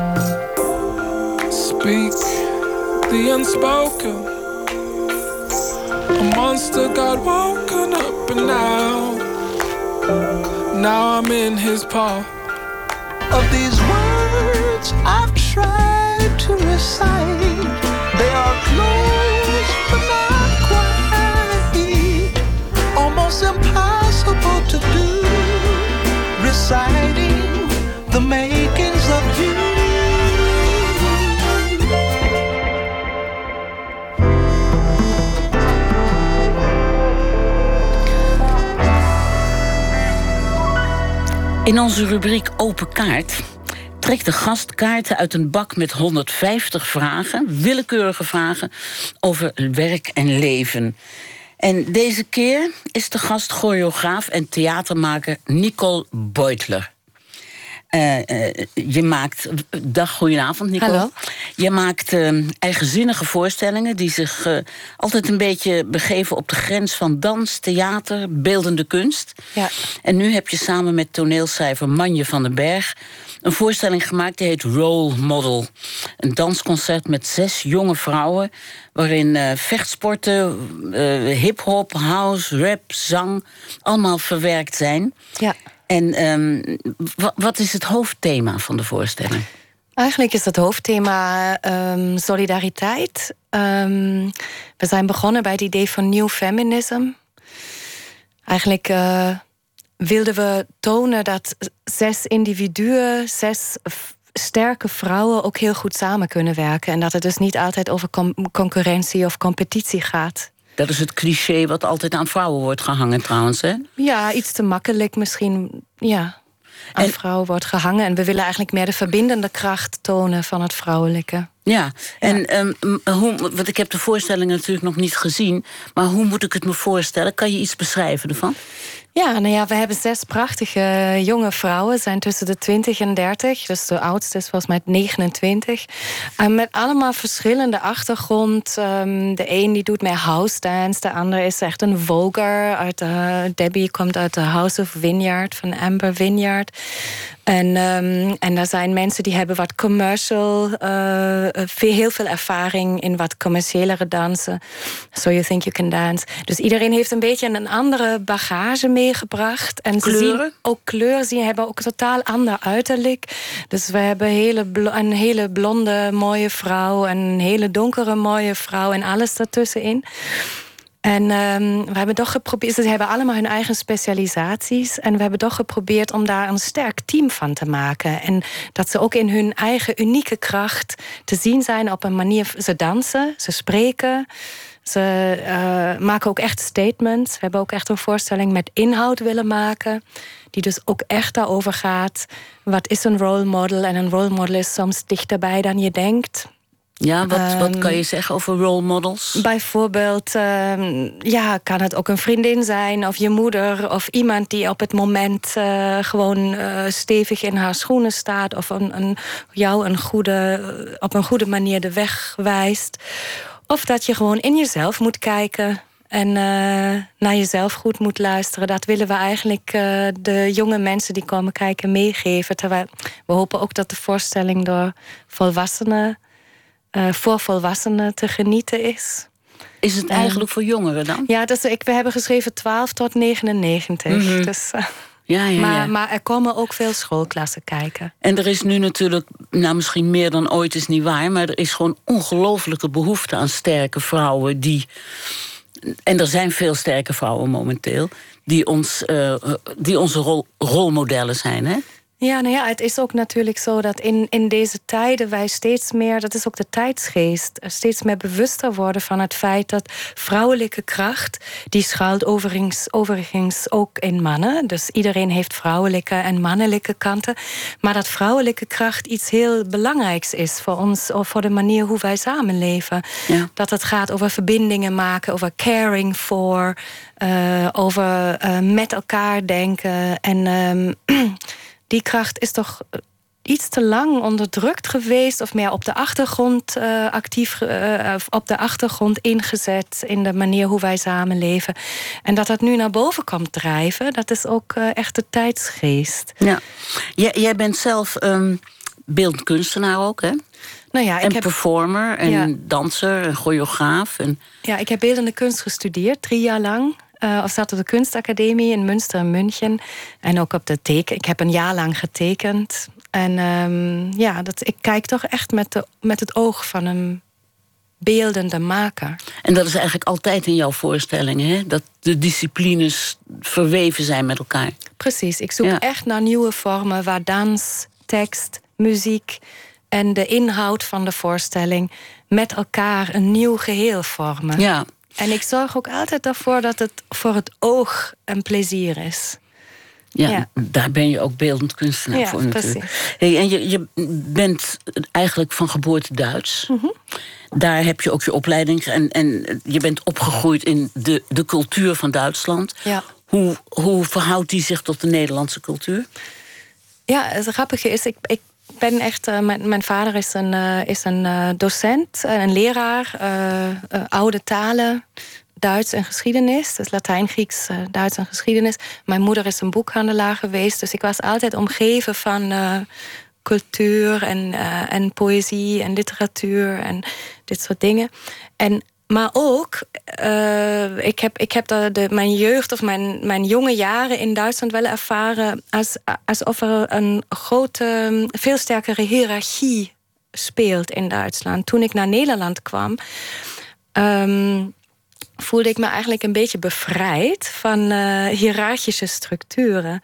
Dus uh, op de opleiding, op de theaterschool waar ik zat, op de school voor nieuwe dansontwikkeling, ja, we spraken elkaar met je aan, de docenten. Dus dat was al een heel, voor mij een heel erg onwennige situatie in het begin. Aangenaam?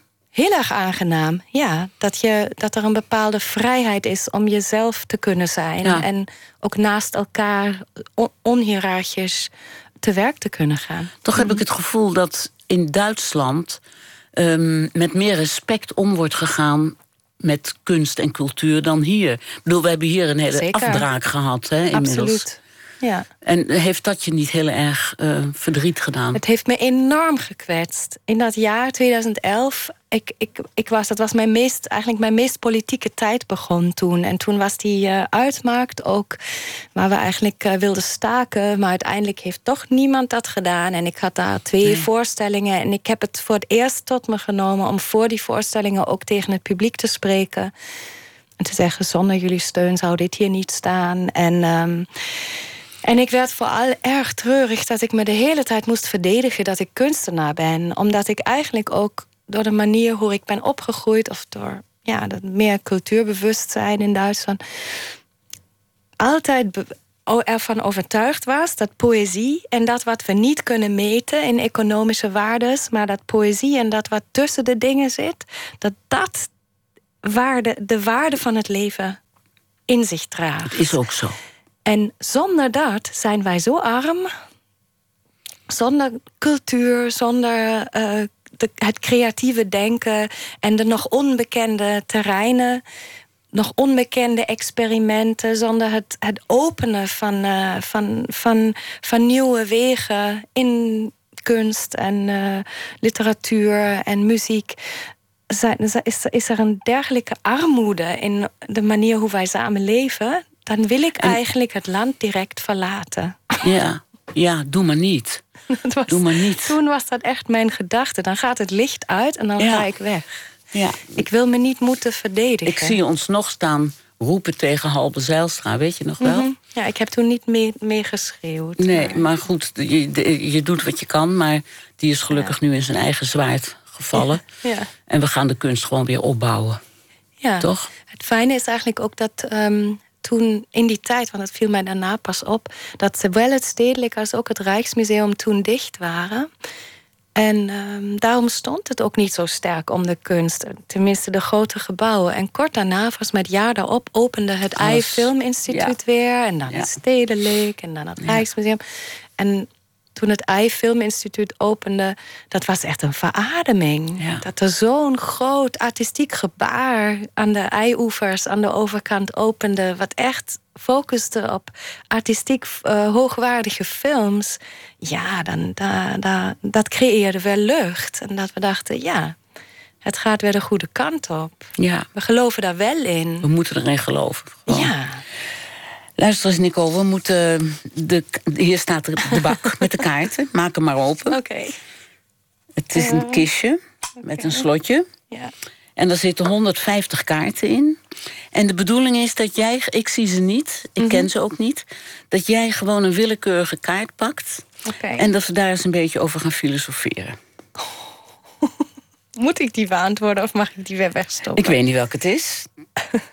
Als je, nee, je hoeft niks. Hè. Het is, het is jouw avond. Doe je hem weg zonder dat ik het weet? Ja, eentje.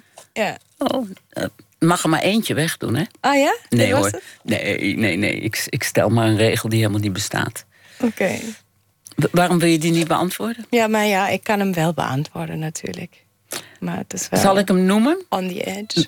Ik geloof dat er niks lelijk is aan jou. Wat vind je lelijk aan jezelf? Als je geen zin hebt om te beantwoorden, moet je het niet doen. Je bent hier midden in de nacht naartoe gekomen. Het is jouw feestje. Ja, nou ja, ik, ik kan wel is kort het te veel zeggen. of te weinig?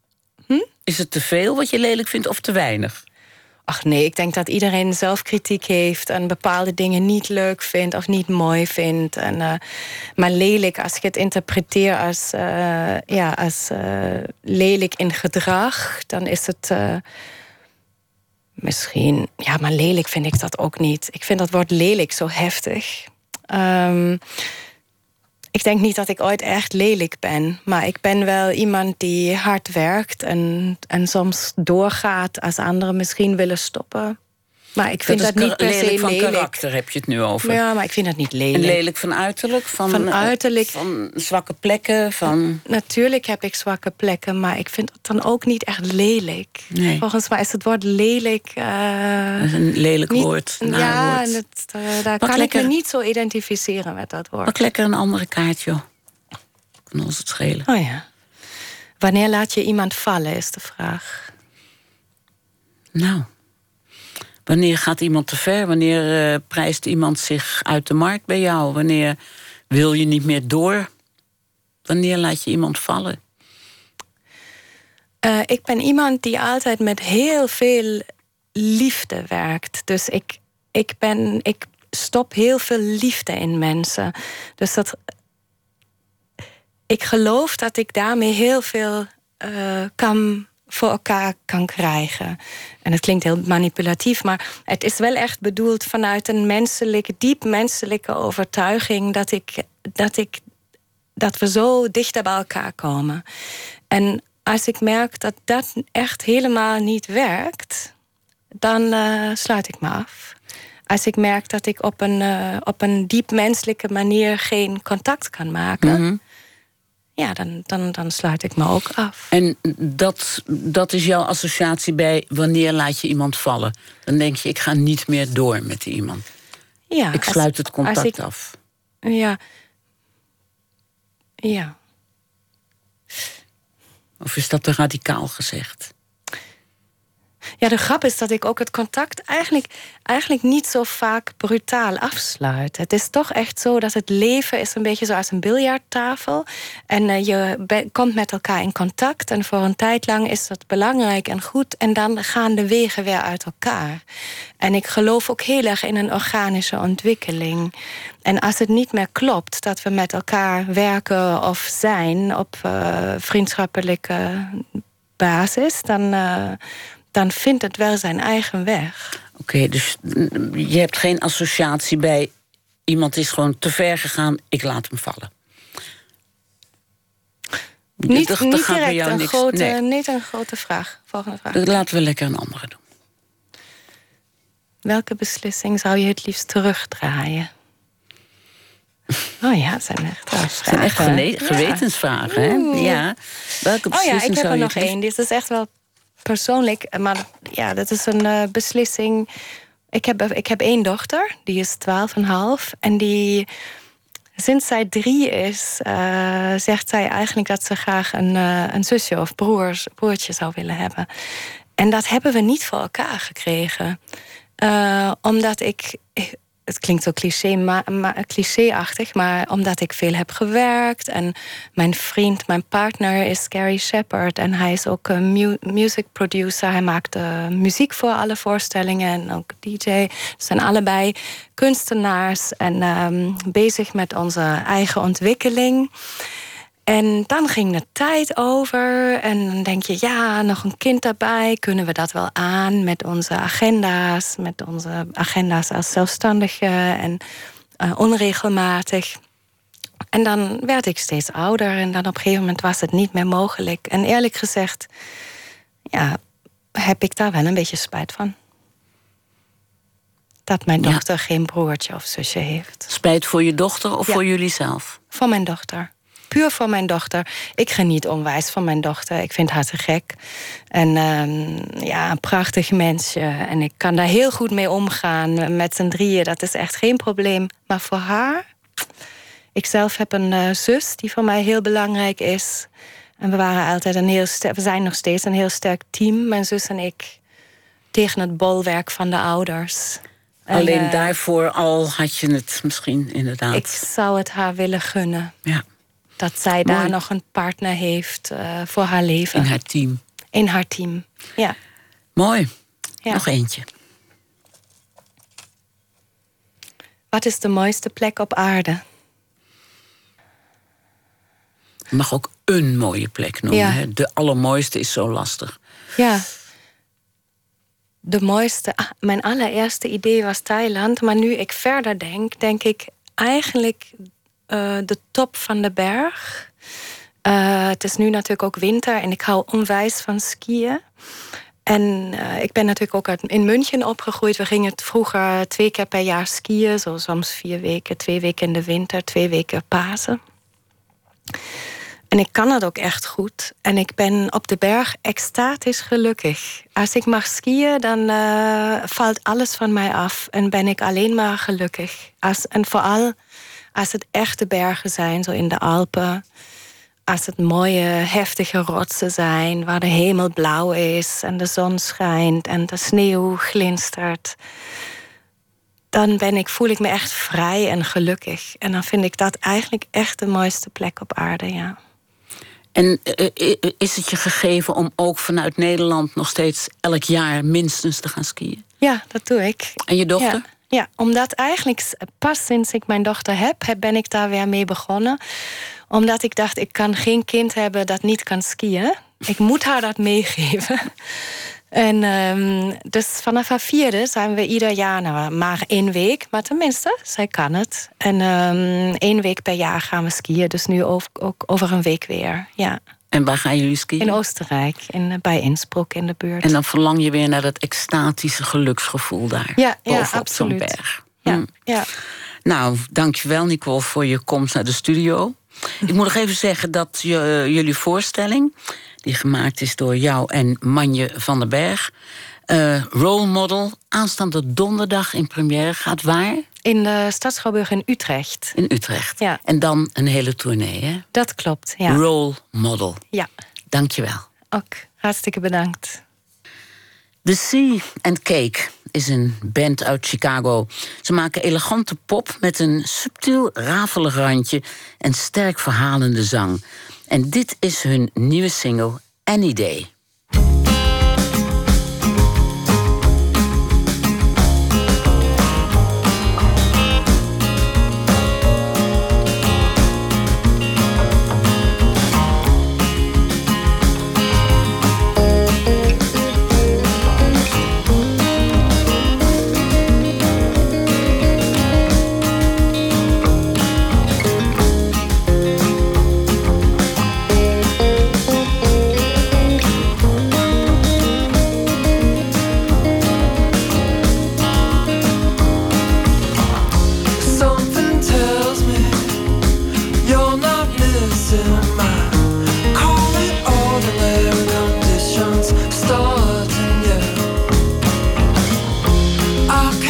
out there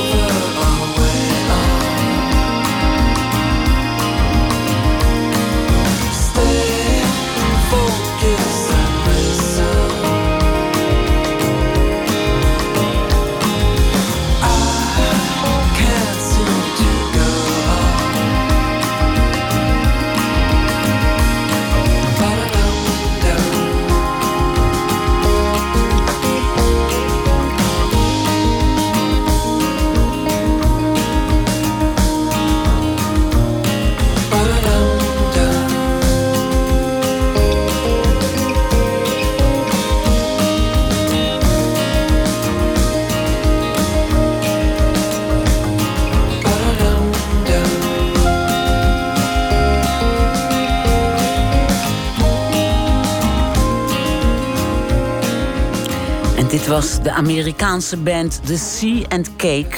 En ze zongen Any Day. En wij gaan verder met 1 minuut. Een serie vol wonderlijke verhalen in 60 seconden. Dit is deel 4 in de reeks over de camping. Pst, 1 minuut. De camping. Ze hadden me gewaarschuwd. Je zou storm en regen aantrekken. En vreemde vogels. Zeiden: Je valt voor zijn buitenkant. Maar daarbinnen heeft hij rotte plekken. Jij met al je levenslust. Het is gewoon geen goede match. Je zult je onbehagelijk voelen alleen met hem. Je kunt hem niet veranderen. Hij heeft te veel meegemaakt. Het is niks voor jou.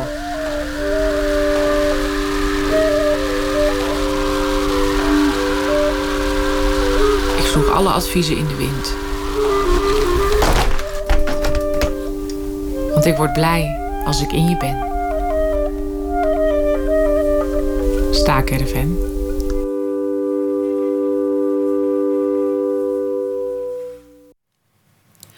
U hoorde een 1 minuut gemaakt door Tjitske Mussen. Is waarschijnlijk de meest radicale compositie ooit geschreven. De zevendelige en 29 uur durende operacyclus Licht... van een van de belangrijkste componisten van de vorige eeuw, Karl-Heinz Stockhausen. De opera werd tot nu toe als onuitvoerbaar beschouwd. Te lang, te duur, te complex. Maar de Nationale Opera gaat dat toch doen... samen met het uh, Koninklijk Conservatorium. Het zal worden uitgevoerd als een drie dagen durende opera-marathon... volgend jaar op het Holland Festival... in de gashouder op het Westergasfabriek in Amsterdam. En vandaag werd bekend dat documentairemaker Oeke Hogendijk... de totstandkoming van Stockhausens opera-marathon gaat filmen. Dag Oeke. Ja, hallo. Hallo.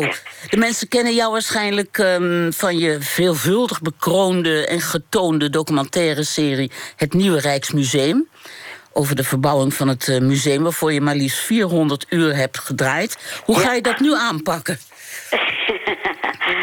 nou, dat, was, dat duurde tien jaar en niet geheel uh, uh, volgens planning, hè, want het duurde vijf jaar langer, die verbouwing van het Rijksmuseum. Maar uh, in dit geval is het gelukkig een wat kortere spanningsboog. Dus het is in 2019 gaat de grote opera uitgevoerd worden. Dus dat scheelt. Ben je al begonnen met iets?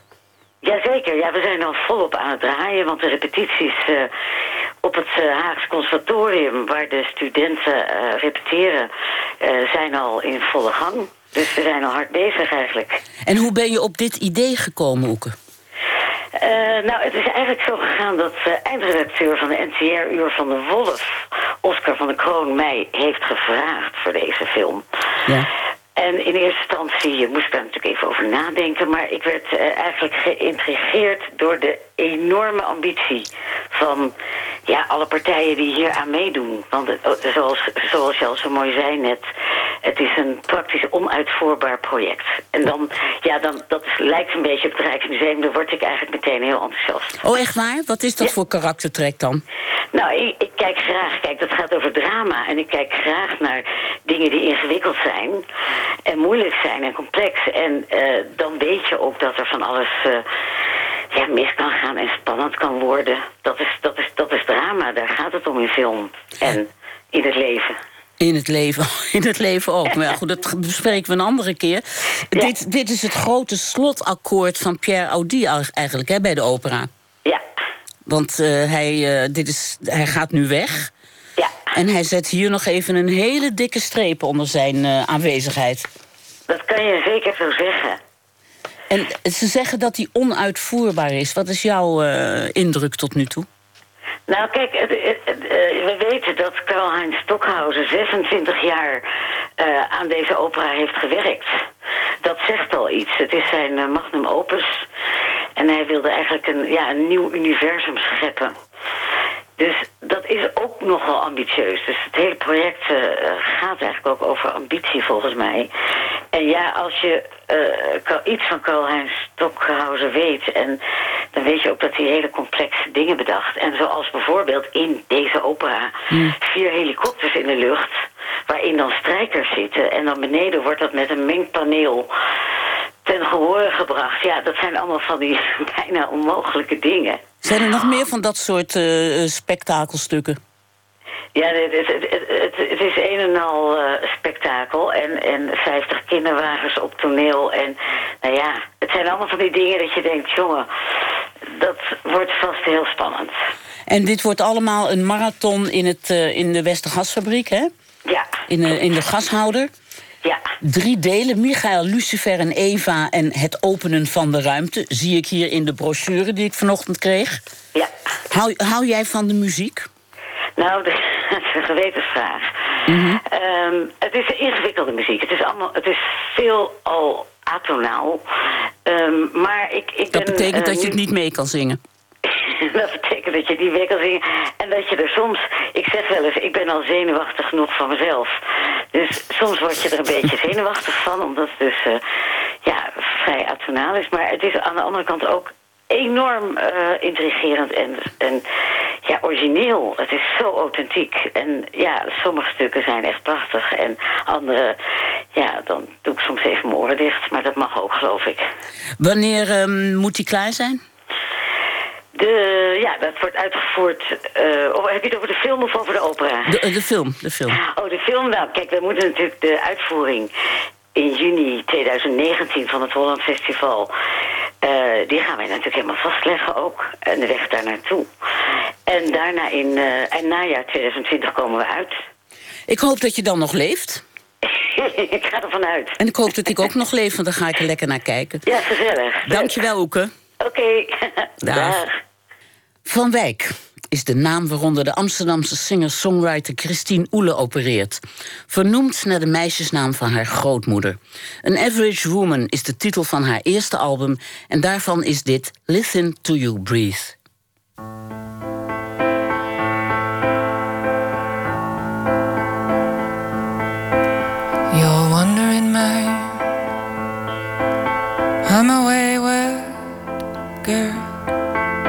Gun in your hand don't scare me off. No, I like the heat from the flames that you throw, brushing my skin and willing me on. And one day you'll be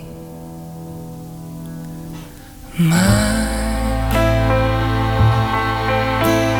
To keep.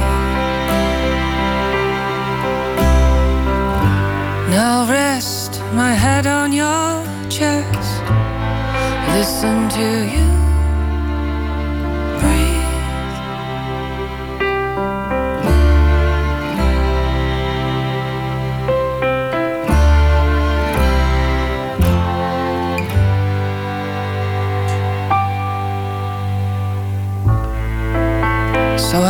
Up my bags and I move down the stairs.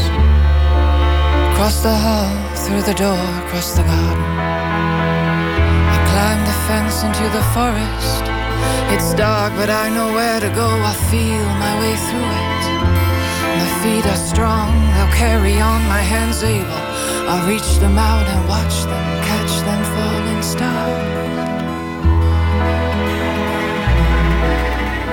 then you will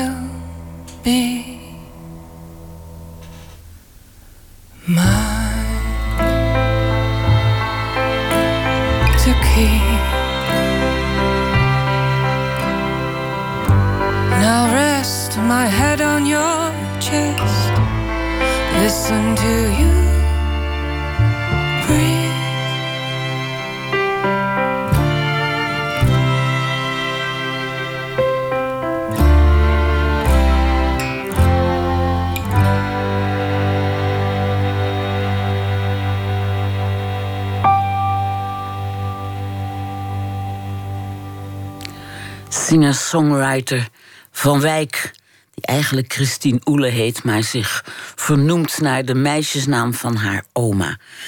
Uh, Listen to You Breathe heette dit en dat komt van haar gelijknamige debuutalbum. Volgende week uh, woensdag kunt u trouwens de Nooit meer slapen muzieksessie horen die we onlangs met haar opnamen. I'm not a smart man. This is a robbery! Well, when I'm good, I'm very good.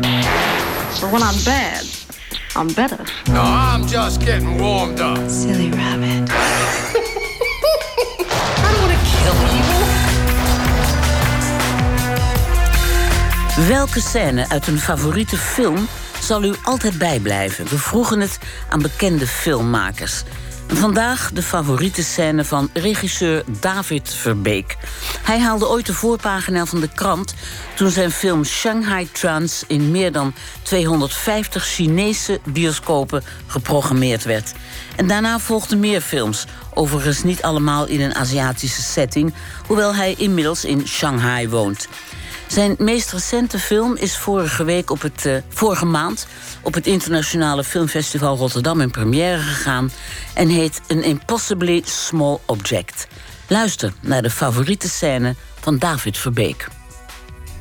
Mijn favoriete scène is de eindscène van Agire der Zorn Gottes van Werner Herzog uit, ik geloof, 1972. Wenn wir das Meer erreichen, werden wir ein größeres Schiff bauen. Und damit nach Norden segeln und Trinidad der spanischen Krone entreißen. de film gaat over een uh, Spaans konvooi van edelmannen... die samen met hun slaven um, in Peru, een, een, groot gebergte... op zoek zijn naar, naar El Dorado, naar goud. En uh, ja, ze dalen eigenlijk een vallei in om daar eigenlijk dat landschap te verkennen. Het is trouwens in, in, in, in de 15, 1570 of zoiets speelt het zich allemaal af. En gedurende de film, ja, eigenlijk in een soort ja, grootheidswaanzin... denken zij dat zij, uh, dat zij dat land aankunnen... en dat ze daar uh, kunnen overleven en dat ze daar ook uh, kunnen domineren. Maar wat er gebeurt in de film is dat ze eigenlijk maakt de natuur en de omgeving... en um, ziektes en aanvallen van de inheemse bevolking maakt hen eigenlijk steeds doller en steeds gekker. En Aguirre, de tweede in command van dat konvooi, dat is de, de protagonist van de film.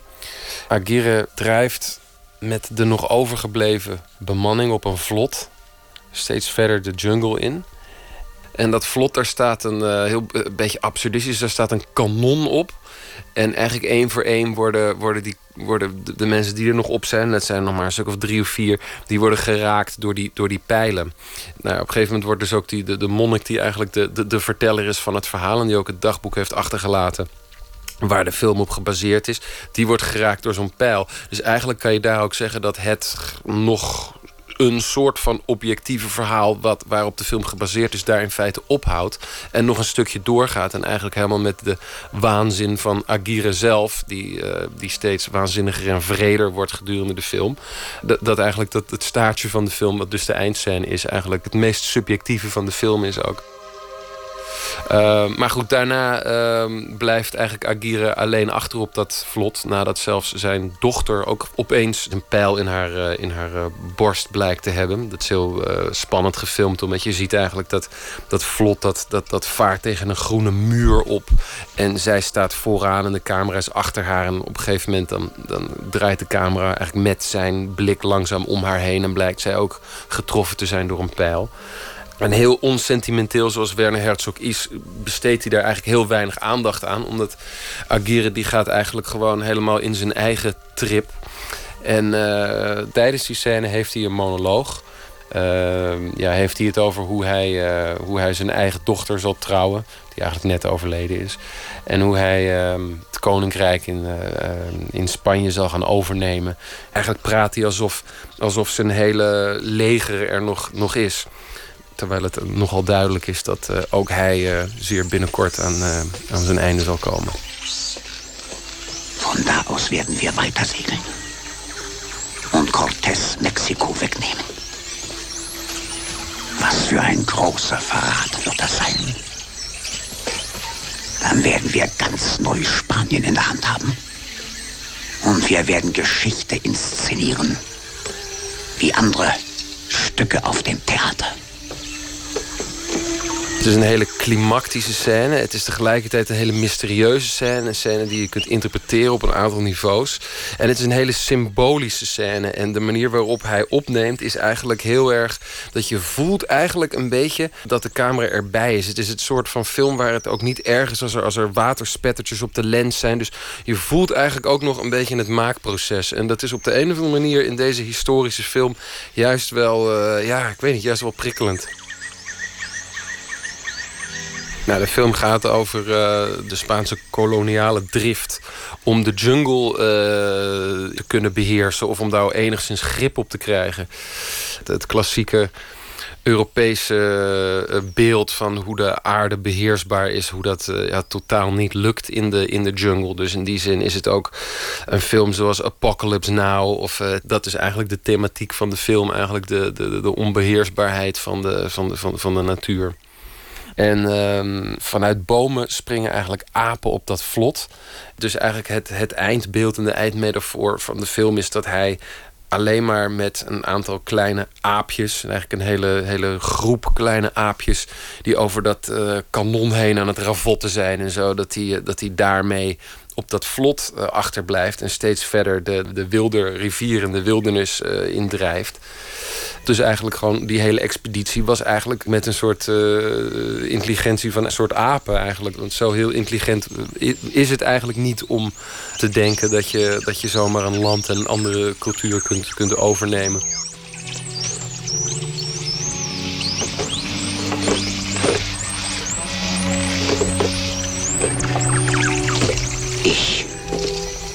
Zorn Gottes,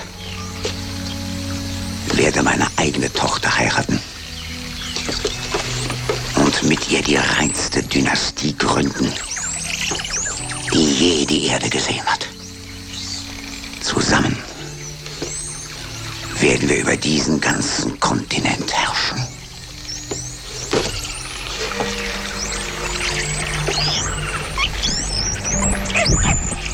Wir halten durch. Ich bin der Zorn Gottes. Wer sonst ist mit mir?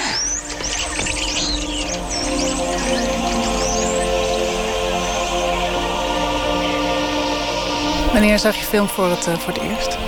Ik heb deze film eigenlijk zoals alle films die ik ontdekt heb over de Deutsche Neue Welle gezien tijdens mijn filmacademietijd. En uh, ik geloof dat, we, dat ik heb deze film gewoon uit de mediatheek gehaald. En ik heb hem gewoon op, uh, op een VHS-band gewoon thuis gezien. Omdat uh, we hadden een, uh, een, hele goede leraar filmgeschiedenis, Ernie T. En die, die, ja, die, die, die wist mij in ieder geval wel te interesseren voor films van Werner Reiner, Vastbinder en, en Werner Herzog en zo. En ik denk dat het allemaal wel films waren die heel erg, waarvan je heel erg duidelijk het gevoel had dat die films echt iets te zeggen hadden. Dus dat die films echt iets te zeggen hadden over, over over de samenleving. Dat die films echt iets te zeggen hadden over bijvoorbeeld het koloniale tijdperk. Of maar ook over het modernisme en het postmodernisme.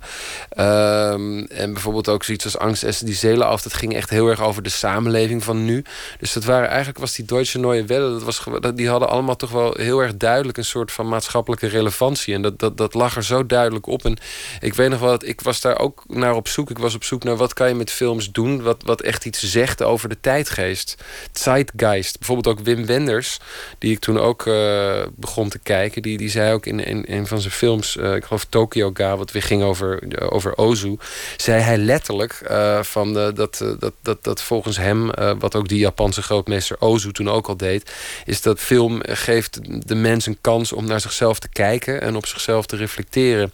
En dat gevoel had ik met die Duitse films uit de jaren 70 en 80. En um, die, die, hele Deutsche Neue Welle, die kreeg echt mijn, uh, die had mijn, mijn uh, ja, die begeisterde mij wel, zeg maar. Ja. Tegelijkertijd werd ik ook heel erg beïnvloed door Aziatische cinema in die tijd, die ik meer op het festival in, Rotterdam ontdekte. Dus het waren eigenlijk die twee stromingen die, die mij heel erg beïnvloed hebben toen, uh, toen ik net begon met het maken van films op de Filmacademie. En nu? Kijk je daarop terug? Want dat is dus tien jaar geleden. Dus wat werkt daarvan nu nog door in hoe jij werkt? Ja, ik denk dat ik altijd wel uh, bezig ben gebleven met het zoeken naar, uh, naar onderwerpen die, die gaan over zeitgeist. Dus um, als je kijkt naar, uh, naar films die ik zelf heb gemaakt, die, die, die gaan bijvoorbeeld heel erg over de internetgeneratie. Of, oh, en, en mensen die bezig zijn met, uh, met een scherm. Die de wereld ervaren en die anderen ervaren door middel van een scherm. Als je kijkt naar, naar mijn film Are You There, die gaat over een, een gamer. Een professionele gamer in, die, die in Taiwan terechtkomt, maar een Nederlander. En, en Full Contact over een dronepiloot die, via, uh, ja, die, die eigenlijk via een scherm mensen bombardeert aan de andere kant van de wereld. Dus zelfs dat moorden iets is wat zo, uh, wat, wat, wat, zo digitaal is geworden en wat je doet uh, via een scherm, terwijl je zelf ergens anders veilig zit. Dus ik denk dat ik, dat ik mijn eigen, ehm, ja, omdat ik in, in deze tijd leef, dus dat ik mezelf ook heb proberen te verhouden op wat nu relevant is en wat nu definieert wat er met mensen aan de hand is. En ik denk dat, dat mensen dat uh, in de Deutsche Neue Welle ook hebben geprobeerd te doen na de, na de Tweede Wereldoorlog.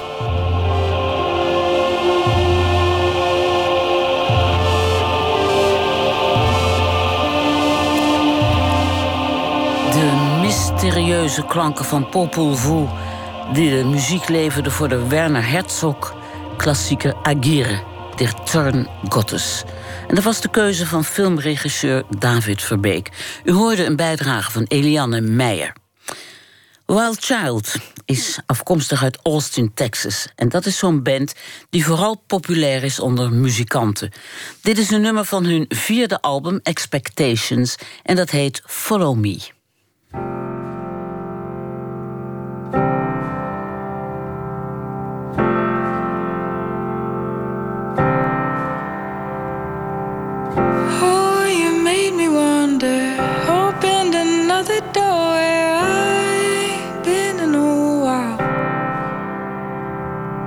Oh, I know I shouldn't bore, but let's have another pour. That moon makes me thirsty for wine. And I said, Would you look at that? I think I love your body. You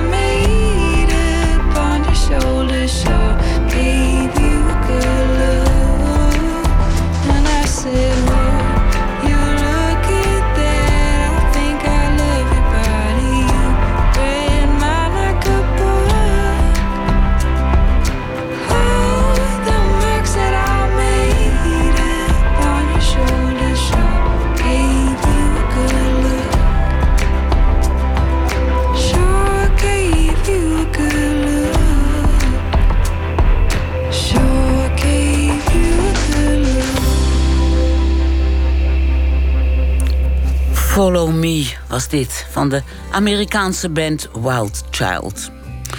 Ik vertel u even iets over morgen. Dan gaat Elfie Tromp in gesprek met schrijver en arts Miquel Bulnes. In zijn nieuwe boek Reconquista, en dat is een historische roman, beschrijft hij de strijd tussen Mohammedanen en christenen in middeleeuws Spanje. Dat en nog veel meer morgen. En straks kunt u luisteren naar Focus van de NTR. En ik wens u een hele goede nacht.